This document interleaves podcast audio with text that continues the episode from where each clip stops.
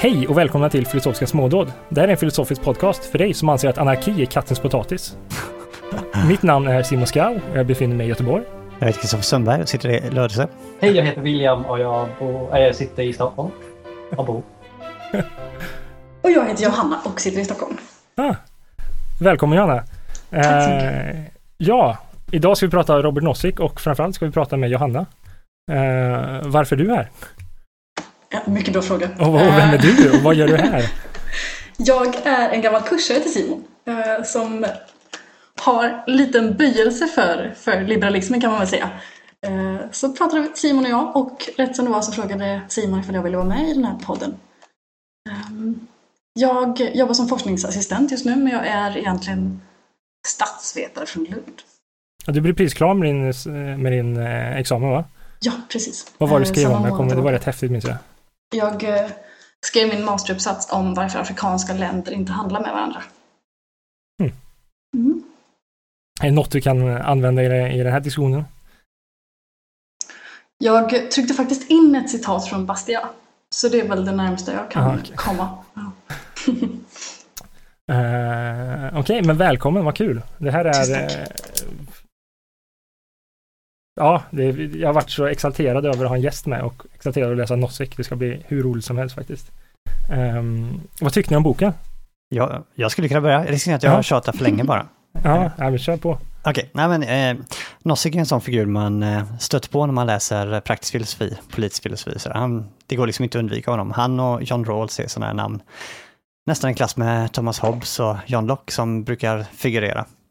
Jag tyckte, alltså det här är min personliga bild, när jag läste praktisk filosofi, att bilden av Nozick var ganska dyster ändå. Att han var, eh, att det Ja. nog inte var en så eh, bra filosofi han la fram, att det var en väldigt hård och att den var, jag fick nästan en bild av att det här var en ganska, nästan ond människa. Eller det, var- det var Mm, en ganska mörk bild jag fick av den här Nozick. Och eh, jag skulle skriva en artikel om något helt annat, något väldigt så här, eh, ja ungefär det vi pratade om Searle-avsnittet, eh, mer socialontologi och fick ett tips om att titta på den här boken om Nozick och se om jag kunde hitta någonting, någonting annat än den politiska filosofin som en mer teoretisk grundare. Och, så jag började läsa den här boken ganska motvilligt men blev väldigt, väldigt överraskad av vad det var för sorts bok och hur Nozick skrev. Och jag tyckte att eh, oavsett om man inte håller med i det han kommer fram till så tyckte jag att det var en väldigt, väldigt klarsynt, underhållande, eh, ärlig filosof som brottas med genuina problem och som på inget sätt är en konstig, ond figur utan en, eh, en filosof som brottas med verkliga moraliska och politiska bekymmer och kommer fram till en lösning som är ett svar bland många som argumenteras väldigt ingående på olika sätt. Och så, där. så jag blev väldigt, väldigt positivt överraskad och på ett sånt sätt som när vi läste Hume för, förra gången så sa jag att jag tycker Hume är väldigt fantastisk även om jag inte anser mig själv vara humean. Och lite grann så är det med min läsning med Nozick att jag tycker att han är helt fantastisk på många sätt. Och det vill jag säga utan att jag skriver under på att jag går med på allting han säger utan att det är, jag tycker det är en väldigt fantastisk läsning även om man inte skulle hålla med. Okej, men jag har en väldigt naturlig följd till Kristoffer, min reaktion. Ehm, jag hade ganska stora förväntningar med Nozick. För att jag tror i de tidiga avsnitt vi har haft har mina politiska åsikter kanske inte så här, varit så gömda, speciellt i Marx-avsnittet. Eh, men en sak jag gillar att, är att ha så väldigt vettiga diskussioner med de som har helt olika utgångspunkter eh, från mig själv och försöka förstå och hitta gemensam mark. Så jag läste Nozick med ganska stor, eh, stora förväntningar. Det här skulle vara, faktiskt vara väldigt intressant. Och jag håller med Kristoffer att han brottas med de här. Och han är ärlig. Men man kan vara en ärlig person som ska brottas med någonting. Och misslyckas totalt. Eh, eller så här, brottas inte så bra. Och man, man jag vet inte, man... eh, alltså jag tänker bara just nu, och det här är en helt absurd eh, bild, mental bild jag fick i mitt huvud. Men någon, typ eh, att Nosse går till skolgården och brottas med små barn. Och han har så glömt alla proffsbrottare jag brottas med. Han brottas med alla små barn istället och han kan brottas med dem jävligt bra. Men det är ändå små barn som han brottas med. Oh, det, det är hård kritik alltså. Skulle du säga då att hans eh, berömmelse är eh, eh, missriktad eller så? Att, det, att hans plats i moral, filosofi och politiska historien är eh, oberättigad? Nej, för som i vår andra avsnitt om praktisk filosofi har ju jag ju inte varit så uh, förtjust i vad praktisk filosofi har kommit till i allmänt. Ja. Så jag är inte helt säker. Det här kan, kan, vara jättebra. Det kan vara den bästa praktisk filosof någonsin. Du säger ungefär, det är lika uselt som allt det andra. det är intressant. Uh, jag är, jag liknar nog mer Kristoffer i min läsning. Alltså jag har, alltså jag har ett minne av att Nos Nozick var en ond politisk filosof. Och så stötte jag på honom när jag läste en kurs om epistemologi. Där jag upptäckte att han var en rätt fantastisk filosof. Um, och sen har jag själv för ett par år sedan börjat fundera kring anarkiproblemet som vi kommer att diskutera och tyckte att det var ett väldigt givande problem att tänka på och eh, tänkte att men det här är något jag skulle vilja läsa någon gång. Och eh, jag får faktiskt säga att den här, även om jag liksom Kristoffer eh, inte eh, alltså, eller likt Nossik när han börjar med det här, in, har en helt annan ingångspunkt. Så jag vill faktiskt säga att det här är troligtvis en av de bästa filosofiska texter jag har läst. Eh, jag tycker den är helt underbar.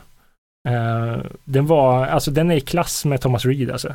Den, mm. Eh, den är, alltså hans, hans ärlighet eh, och hans, hans han ställer så mycket frågor och han är så öppen med att han inte förstår och han liksom, han, han får saker och ting att liksom framstå som så djupt problematiska på ett väldigt inspirerande vis. Jag tycker den är rik, ja, ja, ja, det var en ren njutning att läsa den faktiskt. Ja, vad roligt att höra ändå, för jag har för mig att det var jag som tjatade om att vi skulle läsa den här och mm. ja, det är skönt att höra att du kanske eh, ja, nej, har fått ut någonting av det. Ja, framförallt första delen tyckte jag var, eh, och förordet till exempel är ju helt eh, under, jag, jag tycker att det var, det här är, alltså som min kommentar med Hume till exempel, eh, var att läs en sammanfattning av Hume. Eh, min kommentar av Nozick är, läs inte en sammanfattning av Nozick, Nej. läs boken. Eh, dock är boken tjock och så, men den är riktigt underhållande att läsa, men som kanske filosofisk skolning så att säga. Eh, snarare än kanske om, om man vill ha hans, alltså om man bara vill ha åsikterna så läs såklart Wikipedia, men ja. Vad jag tycker är väldigt roligt med boken, det är att här, man vet om att det här är någon slags libertariansk bok. Eh, och libertarianismen är ju i princip anti-utopisk. Likväl heter boken Anarki, stat och utopi. Ja, det, är sant. Det, det, är ju lite, lite kontroversiellt redan där. Eller man, blir, mm. man hajar ju till. Mm. Uh, mm. Jag tycker att det, det, går igen i hela boken egentligen. Att det, är, så här, det, är inte, det är inte ett manifest. Det är inte ett politiskt manifest i den mån. Utan han är ju öppen med att han bara så här, bygger upp en struktur för hur man kan tänka sig. Liksom. Mm. mm. Lite skisser och lite, lite tankeexperiment helt enkelt. Mm. Ja, precis, det gillar jag. Mm. Ja, precis. Är, förlåt, nu avbryter jag, men är, alltså jag har inte riktigt känslan att han lägger fram en hel teori, fast gör, det är väl det han gör, eller? Mm. Ja, men eh, jag läste någonstans att de, man säger att ja, men, vad Nozick gör det är att han lägger fram provisoriska slutsatser. Um, mm. Och han är öppen med att ja, men det här kanske inte alls är det ultimata svaret. Men likväl så är det vad jag kommer fram till just nu. Mm. Och då blir det en väldigt rolig bok att läsa.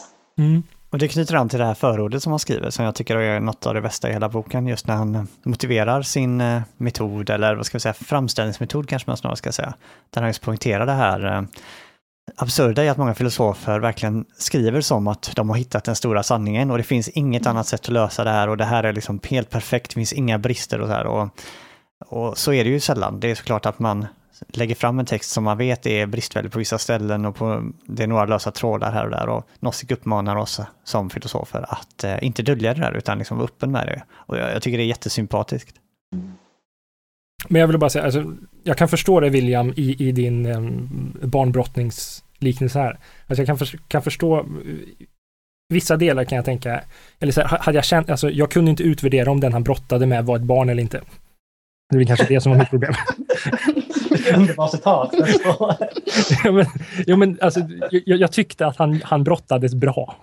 Jag tyckte att det var extremt underhållande. Men jag, jag är inte personligt insatt i grekisk-romersk.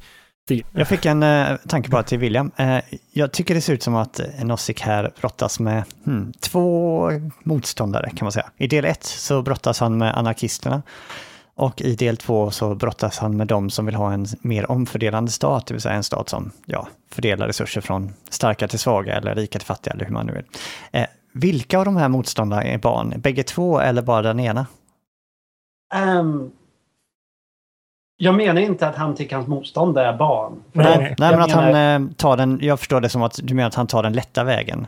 På något sätt. Jag tycker i hans argumentationsstil, alltså man kan säga som ni sa i förordet, det är ett jättefint förord.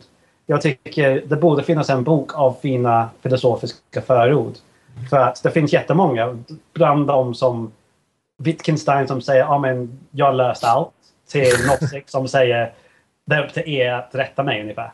Mm. Um, så jag, jag, tror inte på filosofiska förord längre. Jag orkar inte med dem. De är, alltså, det är inte förordet. Det är inte vad den personen säger om sin text som gäller. Det är vad texten säger som gäller. Och jag tycker eh, hur han argumenterar. Det finns... Alltså, vi kan komma till det sen när vi pratar lite mer om eh, hur han argumenterar något sånt som kommer nog lite senare i det här avsnittet. Men det, det, är aldrig tillräckligt. Det finns inget argumentation som jag tänker, aha, det här köper jag. Det här har du bevisat någonting. Och om poängen med den här boken, det är definitivt inget manifest. Det är definitivt ingen fullständig teori. Om det är ett sätt att försöka se hur libertarismen kan komma från någon sorts naturlig tillstånd på något sätt, kanske på något sätt händer. Inte med fullständiga argument, ingen nödvändighet, bara möjligt. Då kan jag köpa texten. Och det är allt som står i texten. Ett möjligt sätt att kunna kanske berättiga libertarianismen för en naturlig tillstånd. För att eh, knyta an till det du säger, jag tror att det är det han visar mycket riktigt. Men huruvida det, eh, som du säger, svaga argumentet eller eh, ståndpunkten kan legitimera det nuvarande stadiet och hur det kan fungera, det hänger helt och hållet tror jag på hur man tolkar hans, någonting som man kallar fundamentala, nej, potentiella förklaringar. Ett tekniskt begrepp som kommer väldigt tidigt i boken som jag tycker är ganska svårt, men jag tror att det han vill säga där är att eh, det han gör räcker för att det ska vara en potentiell förklaring. Och potentiella förklaringar av en viss typ som man kallar fundamentella, eller fundamentala potentiella förklaringar, de kan förklara någonting även om de är så svaga och även om de är faktiskt felaktiga. Det där är någonting jag känner ett stort behov av att prata om för att det tycker jag är något av det svåraste i boken. Ja, vi tar upp det lite mer sen. Ja. Men det är inte bara de begrepp jag pratar om just nu. Jag menar också även i hans argumentationsdel är det mm. oftast nu förenklar jag. I hans argumentation, så han börjar med att jag ska förenkla, bara ta det här. Men om man inte förenklar och tar en helhet eller fler saker, då kommer kanske inte hans argumentation inte fungera. Äh, inte följer. Äh, så jag tycker det blir baserat på så många förenklingar och det blir så många steg att om bara en av de här faller, då är det inte helt säkert om argument, hela argumentet håller. Okej, okay, ja, det ska bli jätteintressant att höra när vi går in på detaljerna sen. Mm. Uh. Ja. Hade du läst den här innan Johanna? Bara ögnat i den, eller så här, mm. läst bitar så att säga. Mm. Um, Blir du förvånad något... över vilken sorts bok det var, eller var den ungefär som du hade förväntat dig? Mm. Ja, men jag hade... Det, det är väldigt många liberaler som, som hänvisar till den här boken på ett sätt som gör att man tror att det är någonting som man blir övertygad om.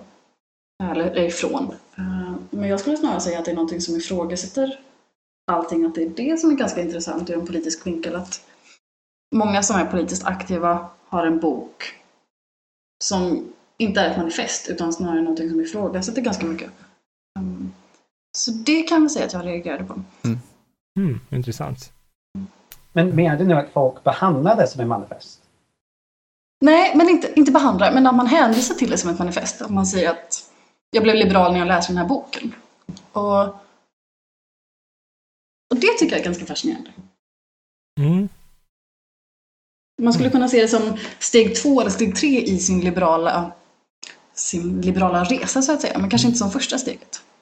Jag hade inte läst, alltså jag hade inte speciellt mycket kunskap om marxism innan vi läste Marx, jag hade inte så mycket kunskap om liberalism innan jag läste det här. Alltså jag hade så här hum, humsyn, jag hade all, allmän kunskap så att säga. Mm.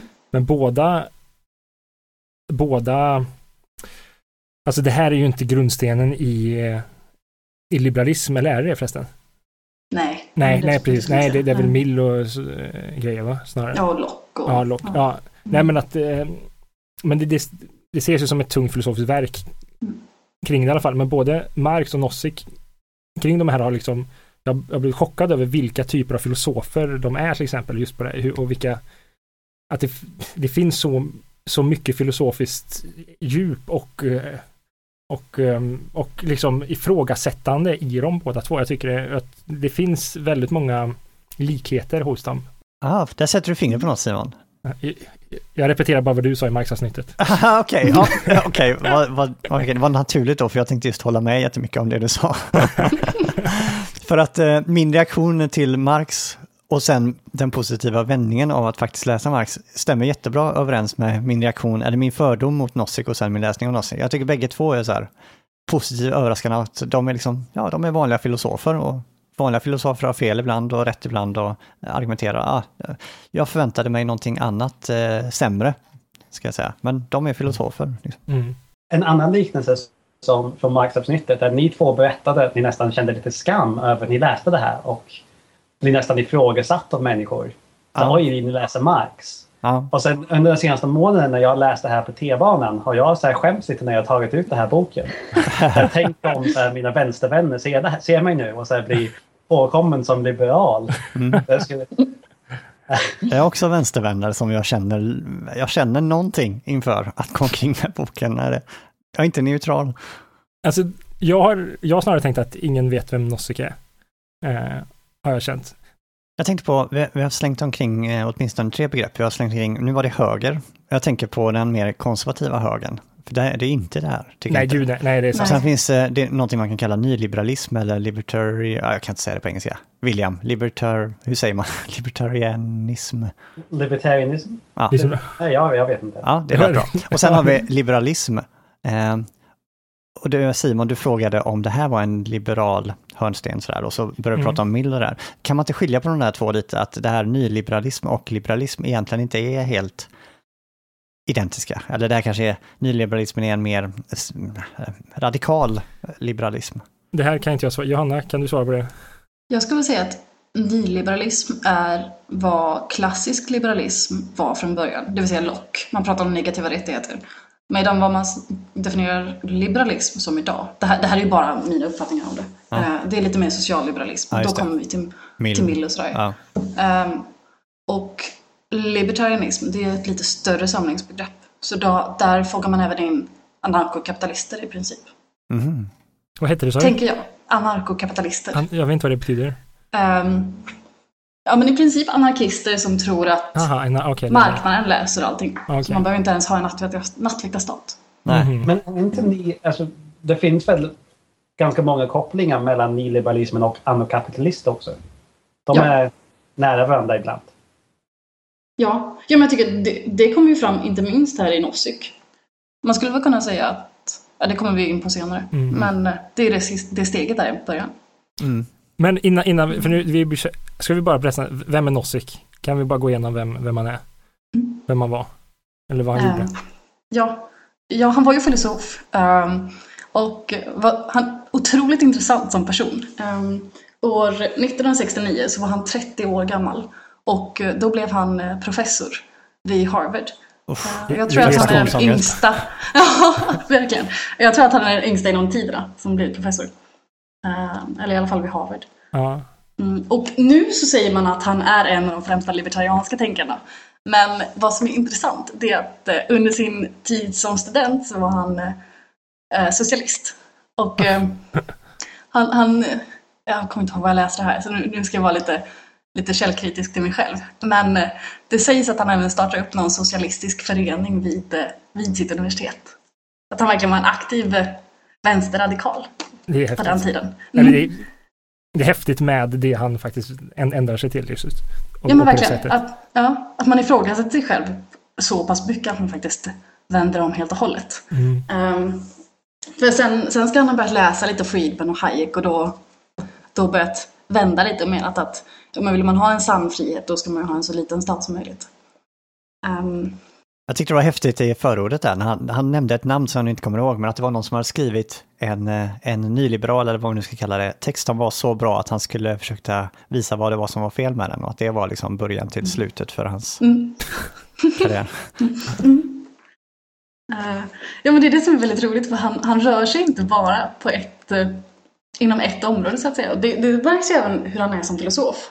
Ehm, jag tror inte att han har speciellt mycket andra eh, politiskt filosofiska verk annat än just den här boken som vi ska prata om idag. Nej, stämmer. utan han har rört sig med, ja, med liv och död och de där grejerna istället också. Mm, Ja, det är faktiskt sant. Man s- stöter på dem ibland på ställen där man minst anar det. Epistemologi och mm. även metafysik. Och jag vet att han har en text där han försöker eh, förklara. Kants syntetiska a priori-omdömen, väldigt så här, teoretiska grejer, och grunda det i någon sorts eh, externalistisk variant av eh, evolutionsbiologi. Nu blir det väldigt många termer där, det var ju dumt. Vi, redigerar bort det. Det bara en namedrop. Ja, det var jag bara kände så här, jag kan själv inte riktigt hänga med på Nej, jag bara medan jag pratar känner jag bara nej, vad händer nu? Men, men helt enkelt bara kort sagt att man träffar på någon på, eh, på ställen där man minst anar det. Han tycks ha haft väldigt bred filosofiskt intresse. Mm. Um, det är väl en annan grej som är väldigt roligt, det är att han, jag tror han var lärling till, till Vås. Så om man läser A Theory of Justice så har man ett tack till, till Nozick i början där. Ja, just det. Nej. Och sen så, ja. Ja, och så tackar han ju Rawls eh, Ja, i precis. den här boken. Mm. Så att de, de är ju ganska, ganska väldigt olika varandra i vad de tycker. Men likväl så har de väldigt respekt för varandra i sina resonemang och sådär. Så det är jättekul. Var bägge två vid Harvard? Minns jag rätt Ja. att de, eh, de liksom hade sina kontor bara två dörrar ifrån varandra eller något sånt där? Jag tror det. Mm. Eller om det är en skröna. Men det borde ju vara om de... Och så var han student till Carl Hempel också, den här gamla vetenskapsfilosofen. Var det? Mm. Åh fan. Och det, det märks lite i det här, de, den biten jag tycker är så svår sen, den teoretiska biten. Där refererar han till vissa texter av Carl Hempel som jag inte har läst och ibland får jag intrycket av att man kanske måste läsa dem för att förstå helt vad han säger. Mm. Det är någonting det här, för alltså, han är ju uppenbart en analytisk filosof, vilket inne, i mångt och mycket innebär att han är en akademisk filosof. Men han är ju så mycket mer filosof än akademisk filosof. Men är det här en akademisk text, tycker ni? Eller är det en, en, eller är det en text till, till all, allmänna amerikanska mm, människor? Eller är den riktad till hela världen? Alltså vad tycker ni? Hur uppfattar ni texten? Jag tycker han skriver en ganska bra guide till eh, sin egen text där i början. Han berättar just vilka kapitel som är mer tekniska än andra och ger tips här att okej, är du mer bara intresserad av det här så kan du hoppa direkt till kapitel bla bla bla bla bla. Eh, så att jag tycker den har väldigt mycket bägge delar. Eh, det finns den analytiska kärnan om man eh, vill leta efter den. Eh, men man kan nog också läsa den utan att ha det perspektivet. Mm. Jag tycker den är väldigt uppfriskande skriven. Eh, Jag tycker den skriver mer som, åtminstone jag gjorde mer som precis nybliven student, när man var lite mer tillät sig själv skriva lite så här, eh, frågor som aldrig får något svar och lite informellt sådär. Han har en kärna som är akademisk eh, och sen så lägger han på massa så här provisoriska frågor och kan det vara så här, punkt, punkt, punkt. Och en övning till läsaren är att försöka hitta på det här och det här och han skriver lite skämt, han skriver lite informellt samtidigt. Så jag tyckte det var lite lustigt. Lite ovant på ett kul sätt. Ehm, men jag kanske är alldeles för kritisk igen. Jag måste, måste läsa en bok jag tycker om igen snart. Ja, det kommer, det blir kant nästa gång. Eh, men jag tyckte de, det här kärnan som var det akademiska, jag tyckte den inte var kärnan, det kändes på kanterna på något sätt. Det kändes lite utanför. Det känns också lite så här, ja men det jag skrivit nu är vettigt på grund av det här. Att det blev nästan, och jag har flummat lite här. Men det är okej för jag var student hos Hempel. Det, det var lite så jag fattade det. Att det var bara mest så här, ja men jag har ju en poäng här på grund av här har ni några ekvationer.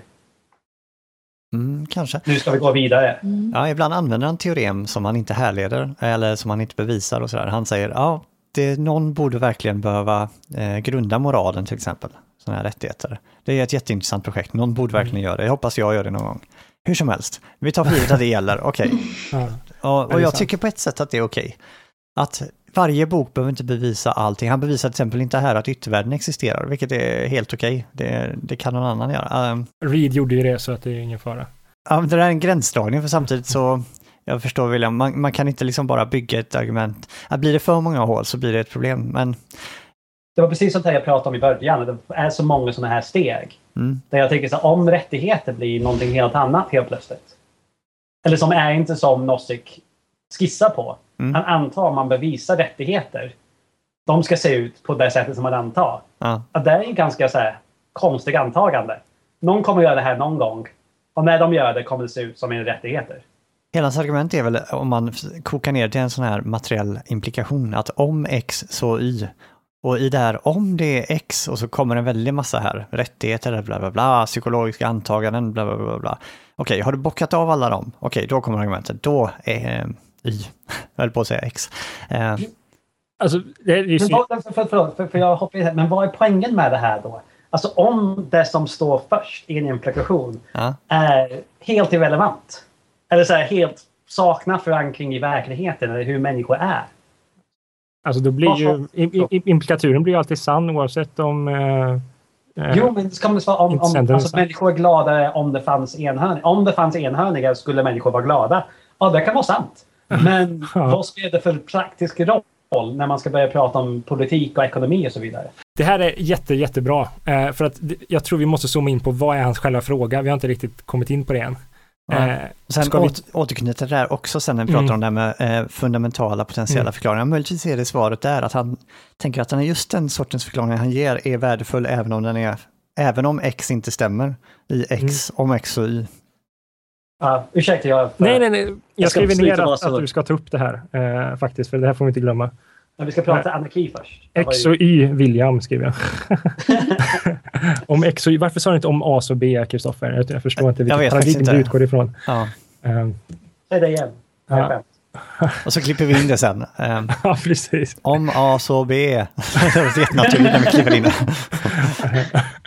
Eh, men vad, alltså, det här borde vi sagt i början. Vad är frågan? Vad är problemet? Vad, vad är hans, liksom, varför skriver han den här boken? Johanna, kan vi köra? Sätter jag den på dig? Alla svåra frågor. Ja, Ja, ja, tack för den. Nej men, eh, nej, men om, man, om man går tillbaka till vilken tid som, som Nozick faktiskt skriver den här boken så har man ju en tid där det, det, man i princip kan säga att det är Sovjet versus USA. Och, och det var ju två olika politiska system. Eh, och jag tror att vad man, man skulle kunna härleda det är väl egentligen att säga vad ska staten göra och varför ska staten göra det? Vad har man för utgångspunkter för vad staten får göra? Eh, Och då kommer man till anarki, stat och utopi. Säga, var börjar vi någonstans? Vart, hur går vi vidare? Ska vi gå vidare? Och vad är den ultimata staten? Just det. Kan man säga att det är en... Just det, det var ett, ett ord du sa, eller en mening som var jätteviktig som jag tänkte på. Men ska vi gå vidare? Just den frågan Mm. från anarki, ska vi gå vidare? Eh, vad jag läst på så var att det var väldigt nyskapande med Nozick att han var en av de första liksom, i den här trenden, i just den perioden i tid och rum, som eh, tog anarki på allvar. Och, och frågade sig, ska vi verkligen gå vidare från anarki? Givet, om vi tar för givet att människor har de här rättigheterna, och givet allt det som är så hemskt med staten då, den sortens våld som trots allt Mm. staten utövar på oss människor och den mängd kränkningar. Eh, ska vi verkligen gå vidare? Och han säger det på något ställe väldigt bra att visst, det här anarkiska tillståndet kommer ha vissa problem. Det kommer vara jobbigt på vissa sätt. Och staten ses som en medicin på detta. Men är medicinen verkligen bättre än sjukdomen? Det är den första frågan.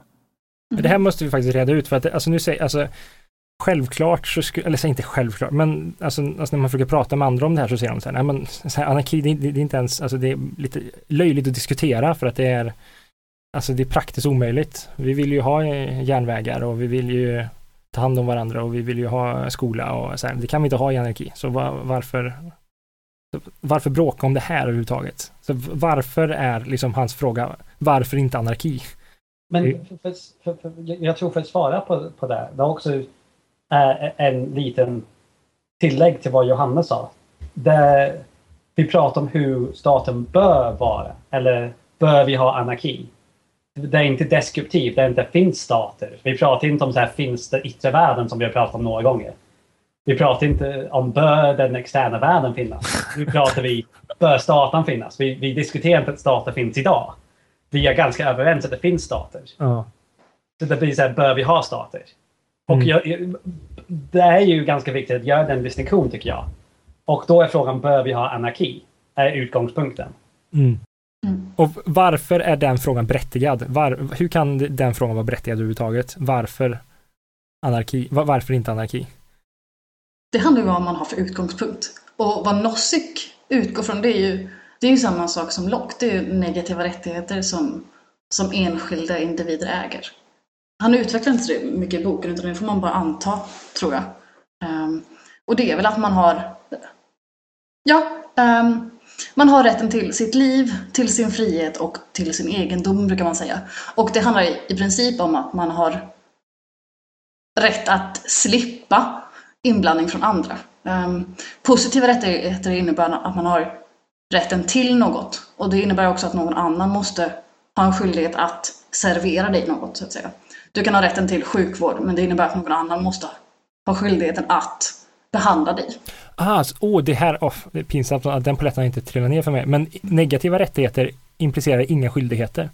Mm. Mm. Okej. Det är frihet från saker. Mm. Precis.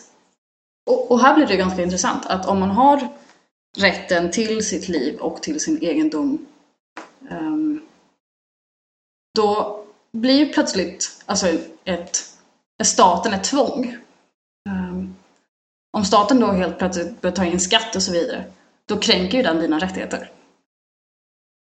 Så det är en, väl här man börjar. Ja, precis. Jag har, får, får jag bara testa en grej här som jag skrev ner. Um, vad heter det? För att förstå, alltså han säger, alltså han, som du sa Johanna, han, han, etablerar vissa rättigheter och jag tycker vi ska ifrågasätta dem sen, men han har vissa rättigheter och tanken med det vad jag förstår är att om vi till exempel inte har eh, rätten till egendom till exempel, eller rätten till vår kropp eller till vårt arbete, så eh, om, om inte, för han pratar om att vi, han vill utgå från naturtillståndet där det inte finns några stater. Och, och så menar han att vi har vissa moraliska rättigheter och det är de här negativa rättigheterna. Eh, om vi inte hade den utgångspunkten och menar att alla moraliska rättigheter kommer efteråt så skulle vi inte kunna till exempel säga, så, det, säger inte han explicit, men till exempel att eh, vi skulle inte kunna påstå varför slaveri är fel till exempel. För, eh, för man kan vara, kan vara snälla slavmästare till exempel. Så att man kan, alltså problemet med det negativa med slaveri är att man faktiskt kränker individers in, eh, negativa rättigheter här. Mm. Eh, och en liten parallell jag har, och ni får jättegärna säga om jag är helt fel, men i Marx så snackade vi lite om att Marx hade den här synen på att att arbetare, eh, på grund av att de inte fick, eh, alltså de, en, en del av den tiden de arbetade var slavarbete på grund av att de, en del av det arbetet fick de inte skörda frukterna av så att säga. Eh, eh utan att kapitalisterna tog den delen av arbetet. Eh, på samma sätt har Nozick här, istället för att prata om, om kapitalisten som tar, eh, tar if, ifrån eh, individens arbete, så tar staten saker från individens arbete. Eh, och därmed så blir, eh, blir det, alltså att, att leva i en stat är alltid slaveri, helt enkelt. På grund av Men det att, behöver inte vara arbete nu, det är bara handlingar. nej, nej, det är sant. Jättebra. Men Det för, är i Gnostics fall. Då. inlåsningsfall, ja precis. Men en, en snabb, alltså det här är ju en jättestor diskussion inom positiva och negativa rättigheter. Jag vet inte om Kristoffer eller Johanna har ett svar till det här. Men det går ju att skriva positiva rättigheter till negativa rättigheter ganska enkelt. Så hur, till exempel så här, rätt att bestämma över sin egen kropp. Eller rätt att ingen kränka sin egen kropp. Förstår du hur man kan skriva en positiv rättighet till en negativ rättighet ganska enkelt? No? Eh, jag är, ja, det är lite klurigt. jag Speciellt- vill tänka. Eh, lite klurigt, för också Nozick eh, kanske är lite inne på det på i kapitel 8 om jag har förstått det rätt, som Mm. vi kanske kommer till. För han verkar ju mena att vissa former av tvång och kränkning inte är, är det, vilket är ordet han använder, det är inte tvång, det är inte kränkning, ja men frihet. Att, okej, jag har, det finns 30 saker att välja på. Och av någon anledning så råkar jag få välja sist för att jag var minst lämpad eller hur det nu är. Så att när jag väl får välja finns det bara en kvar. Alla andra har valt fritt innan mig och till slut får jag bara ett alternativ kvar och då har jag egentligen ingenting att välja på. Eh, och det menar Nossit då inte är en kränkning, att det är fortfarande ett fritt val i hans eh, terminologi. Så möjligtvis är det ehm, eh, en oenighet mellan William och Nozick här också. Right. Ja, men just det. För det handlar ju om att... Ja, förlåt. Nej, nej, förlåt. Mm. Nej, kör. Man, man tar ju inte någonting från någon annan. Det är väl det, är väl det där som man har någon slags kärna i vad negativa rättigheter är också. Så länge det inte går ut över någon annan. Åh, men det här måste vi komma tillbaka till sen när vi diskuterar kapitel 8. Jag tycker det här är en jättebrännande fråga. Jättespännande. Alltså på tal, eh, jag tycker det finns en fotnot på, eh, i min an, an, andra sidan i eh, andra kapitlet. Eh, den är lite lång, men det hade varit, och jag, jag upptäckte att jag läser jättedåligt till men om någon skulle vilja läsa upp den. För är liksom- det den här eh, fotonoten Mm. med listan över allting som staten Ja. gör som är jobbigt? Ja, den är helt fantastisk. Det var...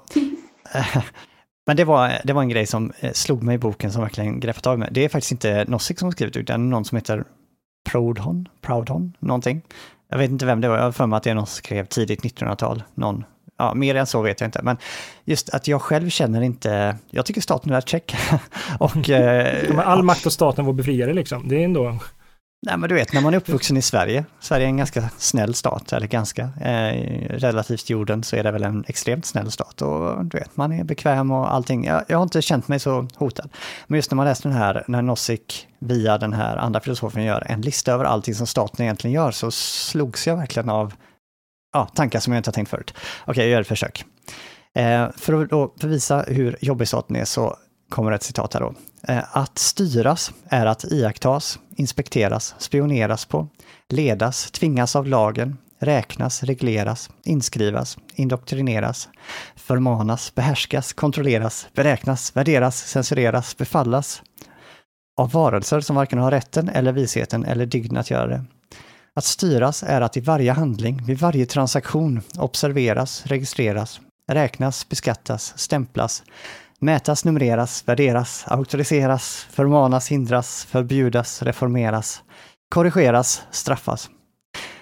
Det är att under allmännyttans täckmantel och i det allmänna intressets namn placeras under skattetvång, drillas, skinnas, exploateras, monopoliseras, utsättas för utpressning, klämmas, luras, rånas. Sedan, vid det svagaste motstånd, det första ord av klagan, förtryckas, bötfällas, nedsvärtas, trakasseras, jagas, misshandlas, klubbas, avväpnas, bindas, kvävas, tillfångatas, rannsakas. Listan fortsätter dömas, skjutas, deporteras, offras, säljas, förrådas och som kronan på verket förhånas, förlöjligas, smädas, begabbas, vanhedras. Det är staten och det är dess rättvisa, det är dess moral. Eh, detta fick mig att tänka lite på vilken, en genomsnittlig dag i mitt liv. Hur många gånger ingriper staten? Alltså inte så direkt, det kommer inte poliser och tar mig till fängelse, men som sagt var varenda transaktion jag gör, när jag går och köper mjölk på den lokala mataffären, så registreras mina transaktioner och jag måste betala till staten. Den är liksom med hela tiden när jag gifter mig med min fru i staten med. Den är, när jag flyttar är den med. Den är alltid närvarande och det finns ingenstans på jorden jag kan fly undan staters kontroll mer eller mindre. Kanske Amazonas djungler. Men står det inte även... Men skulle det inte även vara då om en polis bara betraktar dig? Då är det staten som ser dig. Då Mm. betraktas vara med i din lista. Mm. Än om någon som är anställd från staten var där. Ja, Det kanske inte behöver ens vara en polis. Det skulle kunna vara någon från Försäkringskassan som står där. absolut. Du är inte fri att göra, alltså du registreras vad du gör. Du är inte en helt oberoende individ. Och jag hade liksom inte tänkt på det på det Alltså, det är sättet. en del av polisens eller Försäkringskassans arbete att just betrakta vad som sker. Mm. Så att det är liksom en del, det är en, del av eh, utövandet av staten att faktiskt observera och betrakta. Det är en viktig poäng när vi kommer tillbaka till premisserna. Att vara en oberoende individ. Och vi hoppar in där på, det på en gång tycker jag. Vi skulle prata anarki först. Ja. Just det. Ja. Ja, förlåt. Ja. Okej, jag vill också poängtera en grej. Ja. Första gången jag har hållit mig till schemat. Ja, bra, det är sant. Men Jag tänkte på Eh. en sak bara. Vi, vi gjorde en lista innan i vilken ordning vi skulle ta upp olika saker. Och eh, ett problem här är att eh, vi skulle prata om den teoretiska biten efter anarkibiten, tror jag vi var inne på. Problemet är nu att jag ser att den teoretiska biten delvis motiverar varför Nozick överhuvudtaget tar anarki, eh, anarkidelen på allvar. Anarki på all- allvar. Och det har att göra med att när, när man ska förklara ett område, tänker han sig, att då kan man göra olika sorts förklaringar. Man kan förklara, låt säga det mentala. Vi kan förklara det mentala i mentala termer. Ja, det är inte en speciellt bra förklaring menar Nozick, utan en bra förklaring förklarar ett område i termer hämtade från ett annat område. Så till exempel om vi förklarar det mentala genom att förklara hjärnan, en materiell hjärna, ja men då har vi liksom gjort en bättre förklaring, har han någon sorts tanke. Och det här tror jag han vilar på Hempel. Och då vill han förklara det politiska genom att eh, utgå från icke-politiska eh, termer. Och det icke-politiska för honom, om jag har förstått saken rätt, är det anarkistiska tillståndet, naturtillstånd utan staten. Om man kan förklara staten och legitimera staten där, så har man gjort en bättre förklaring av staten än att man tar för givet staten från början. Um, Men var det något du skulle komma till efter det, Kristoffer? Eller var det bara Nej, den som... och, och därför pratar vi nu om anarki och därför tar Nozick eh, anarkiproblem på allvar. Jag läste nog, jag tror det var en amerikansk filosof som heter Leo Seibert som har skrivit om politisk filosofi eh, mer metafysiskt och om Nozick. Och han poängterar den konstiga asymmetrin som råder i att inom moralfilosofi i allmänhet så är det ganska vanligt att man tar nihilism på allvar. Det vill säga folk som förnekar att det finns någonting som heter moral. Som kanske på mer naturvetenskapliga grunder menar att det här med godhet och sådär är lite flummiga saker som eh, man inte ser eh, när man bedriver naturvetenskap och därför att det är nonsens. Eller andra saker, att man liksom man tar på allvar utmaningen i alla fall och, och förklarar att det finns en moral. Och då påpekar Cyber att det är väldigt få politiska filosofer som tar utmaningen från anarkism på motsvarande allvar. Det vill säga folk som inte tror på statens existens, alltså tror på legitimiteten hos statens existens. Och att eh, det som gör Nozick så fräsch i den här tid och platsen är att, eh, att han tar den utmaningen. Han säger ju att det är den första politiska, politisk filosofiska frågan dessutom. Vilket är, Mm. håller med om mycket. Men det här är en fråga som jag vill ställa till alla tre nu. Tycker ni att han behandlar anarki seriöst? Eller är det så att han, han beskriver vad kanske det anarkistiska tillståndet är? Men sen han försvarar aldrig det utan istället försöker berättiga varför en minimalstat kanske är bättre. Han kommer aldrig med invändningar över för att försöka försvara anarki. Och där, min invändning då mot Nozick är att han tar inte anarki på allvar egentligen. Mm. Jag Mm. håller inte riktigt med, men Jag skulle snarare... Nu vet inte jag, nu kanske jag har varit en väldigt snäll tolkning av Nozick, men jag skulle snarare säga att Nozick egentligen menar att anarki är det som vi bör ha. Men att utvecklingen bara faller sig mot att vi faktiskt får en liten stat. ja. För att vi har de här rättigheterna och så fort vi gör Alltså införskaffar en stat så inför vi också kränkningar mot individer som har rättigheter. Ja, precis. Och det är väl nog så stort problem för en libertarian så att säga. Exakt så att staten är ett ont, ett nödvändigt ont, men låt oss då ha det nödvändigt onda så lite som möjligt. Mm. Det är väl hans Det tanke. var bara så lite om, an- om anarki som jag tyckte. så- Det var bara så lite om anarki i texten. Ja. Okej. Får Jag jag säga någonting? Ja, Ja, nej, kör, Simon. kör, kör. Nej, men jag pratade ganska mycket, men jag... Säg du Simon. Okej, nej men jag uppfattade det faktiskt, alltså jag uppfattade inte som du William där faktiskt, eh, mer åt Johannas håll där. Alltså jag kände att, jag uppfattade det som att anarki hela tiden var, det- alltså så här andan och motivet som hela tiden, som, alltså han, han försökte hela tiden gå framåt, men det som fick honom framåt var, han ställde alltid anarkifrågan hela tiden kändes det som, fast i olika former. Ehm, att det inte var explicit samma frågeställning, men att just det här att staten är ett onödigt ont och att det kränker individers rättigheter som Johanna sa. Ehm, att det, alltså det var egentligen samma fråga hela tiden. Eh, oavsett om man hade sagt att ja men på den här nivån är det okej, på den här nivån är det okej. Men så fortsatte han med det hela tiden. Okej, för, för till mig det finns en skillnad mellan eh, att säga okej, okay, den här frågan ska vi kränka en rättighet, blir det bättre då? Och att beskriva hur ett anarkistiskt stat i... ja, Jag gjorde såna här saker med fingrarna just då, jag insåg jag spelade in det här. Eh, I citationstecken. Alltså så en stat i citationstecken som var anarkistisk stat. Eh, Eh, jag behöver en video för det tror jag. Men ehm, jag, jag, jag, var, jag tyckte det var väldigt lite om hur en anarkistisk stat i citationstecken skulle se ut. Ja, det är sant. Ja, men det kan man väl säga är ganska genomgående någonting som man kan kritisera Nozick för. Att, att de, han pratar inte speciellt mycket om negativa rättigheter heller, utan det är nog bara någonting man, man ska ha med sig när man börjar läsa. Jag håller med. Och det var lite förvirrande eller förvånande för mig. Jag ville, det kanske är den så här, tonårsanarkisten i mig. Men så här, jag vill ha mer anarki. vad det är, så här, hur såg anarki ut lite mer? Mm. Um, Okej, okay, anarkin är där vi ska försvara, alltså det var hela tiden varför ska vi inte ha anarki? Blir det bättre om vi har en, en minimalstat? Eller ultiminimalstat och så vidare. Um, ja, så, så, så, det var bara det. Det var en kommentar. Ja, jo, men det, ja. ja. Mm, kör Kristoffer. Okej. Okay. Uh, jag tycker mig se uh, Nozick legitimerar detta i när han diskuterar vilket sorts naturtillstånd som vi ska utgå från. Och om ni minns det så, så testar han liksom tempen på lite olika. Å ena sidan, på ena ändan skulle man kunna utgå från ett naturtillstånd, det vill säga ett anarkistiskt tillstånd, som är väldigt elakt. Alltså Hobbes, Thomas Hobbes, den här gamla mm, brittiska filosofen, eh, där allting är fruktansvärt. Det är allas krig mot alla och livet är nasty brute short och det är allmän misär. På andra ändan har vi ett eh, samhälle som är helt perfekt. Alla kommer överens och det är alla, ingen kränker varandras rättigheter och så här. Det är liksom de två extremerna. Okej. Okay, eh, vad är problemet med att utgå från Hobbes? Jo, men om att det här anarkiska tillståndet, naturtillståndet, är bedrövligt.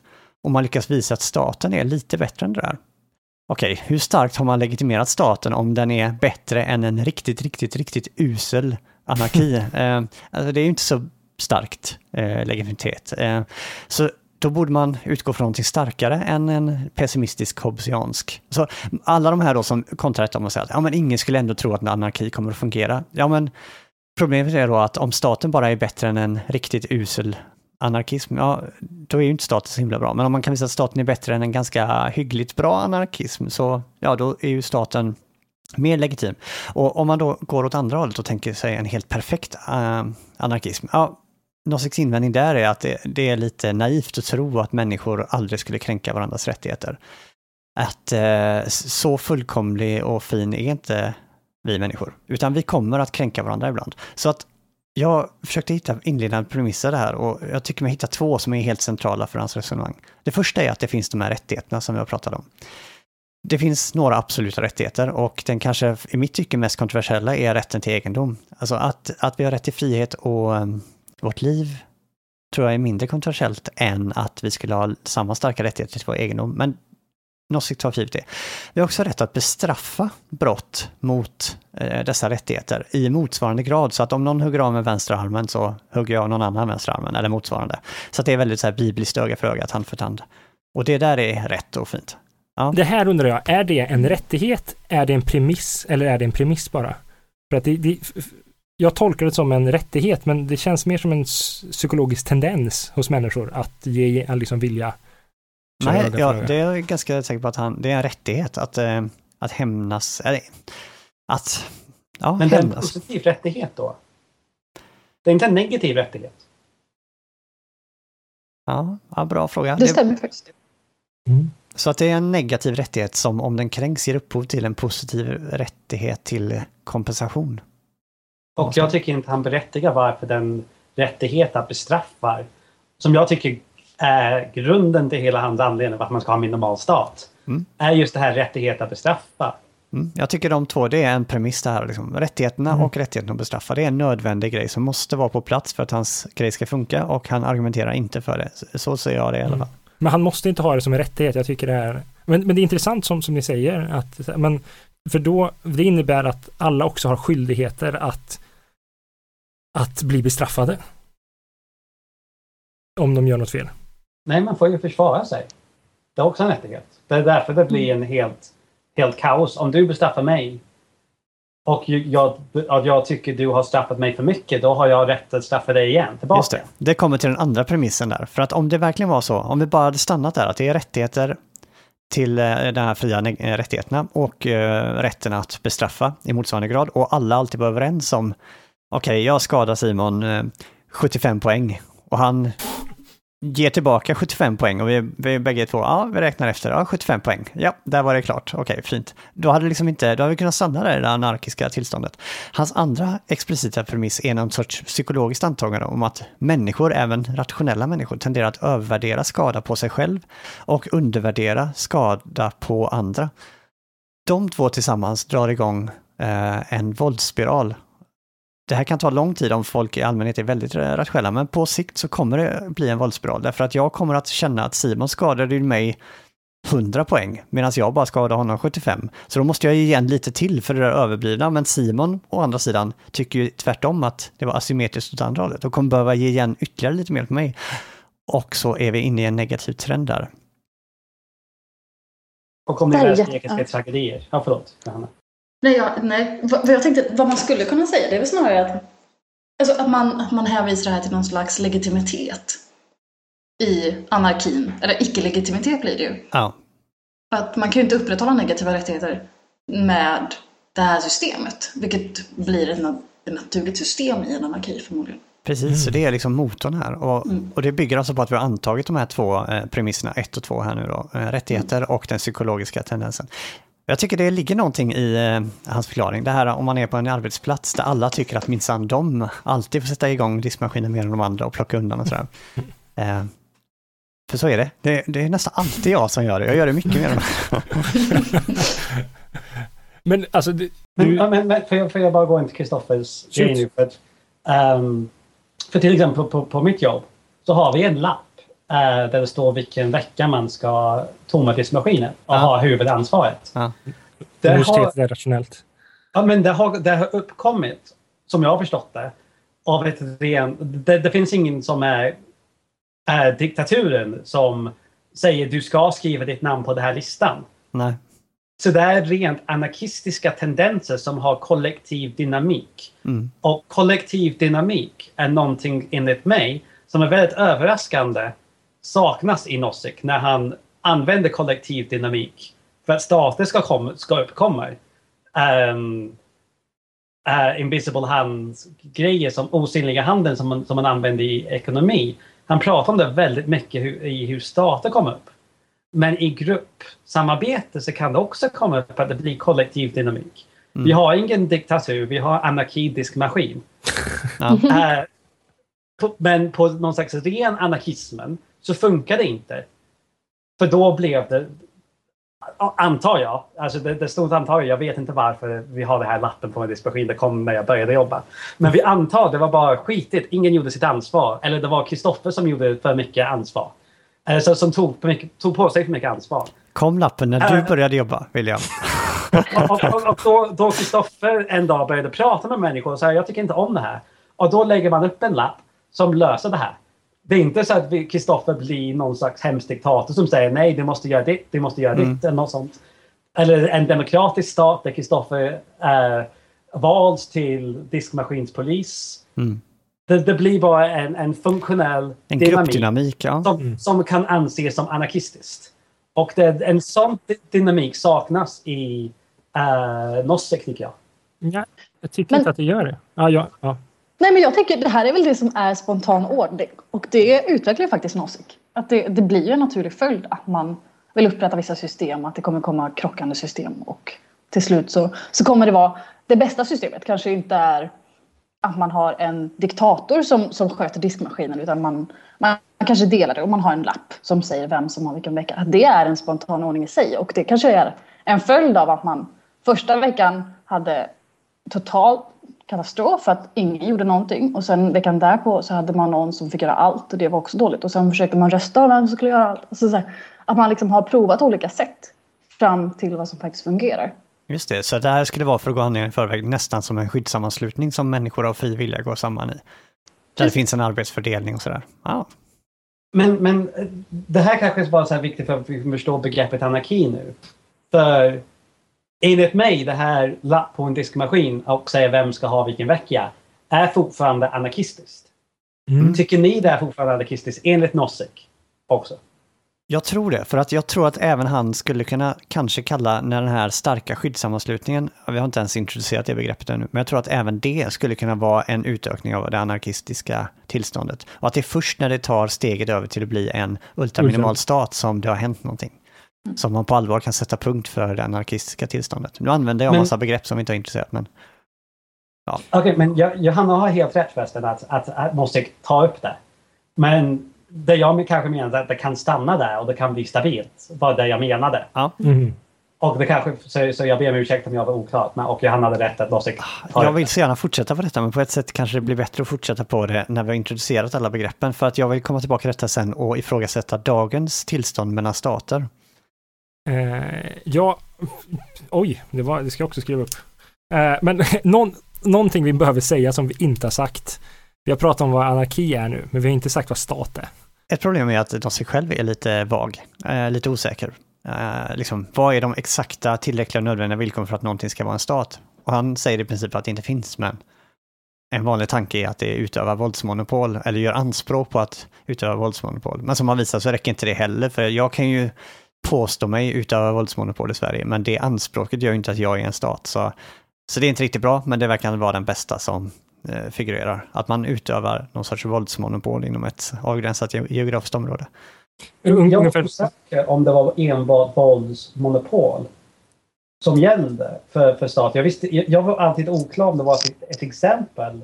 Eller till exempel, är staten möjlighet att kränka andras rättigheter?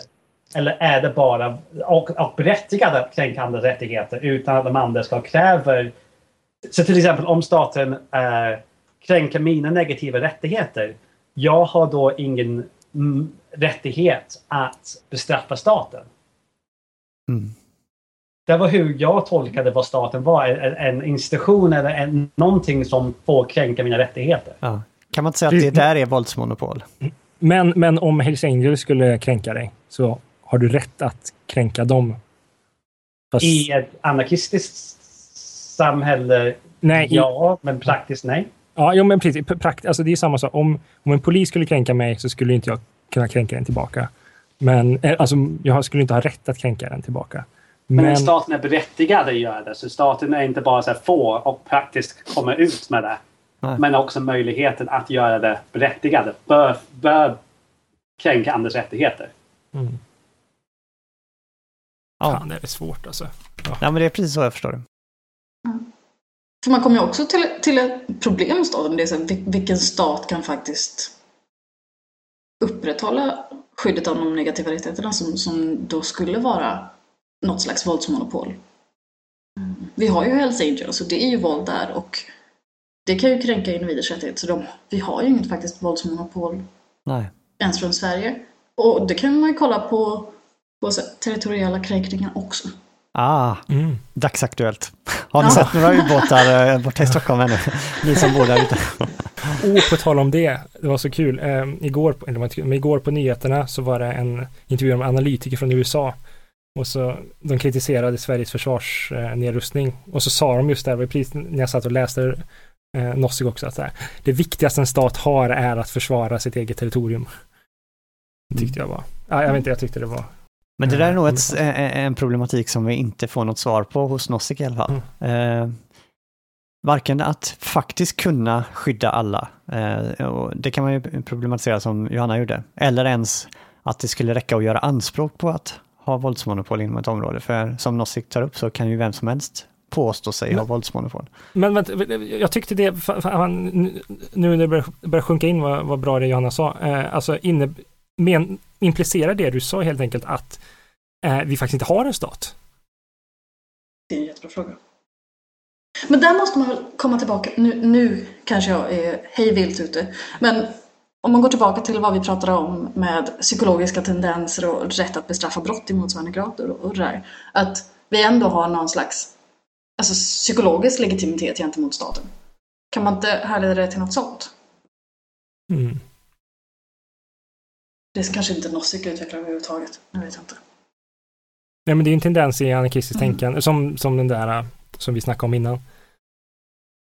Simon, du frågade, är inte Sverige en stat då? Man, jag tror att man Ja. skulle kunna vända på det. Jag tror det är det Nozick gör, att du frågar, om Sverige inte kan upprätthålla det här våldsmonopolet, är då Sverige inte en stat? Snarare skulle man kanske säga att eftersom Sverige är en stat och inte kan upprätthålla våldsmonopolet så kan våldsmonopolet i sig inte vara eh, den helt korrekta definitionen av en stat.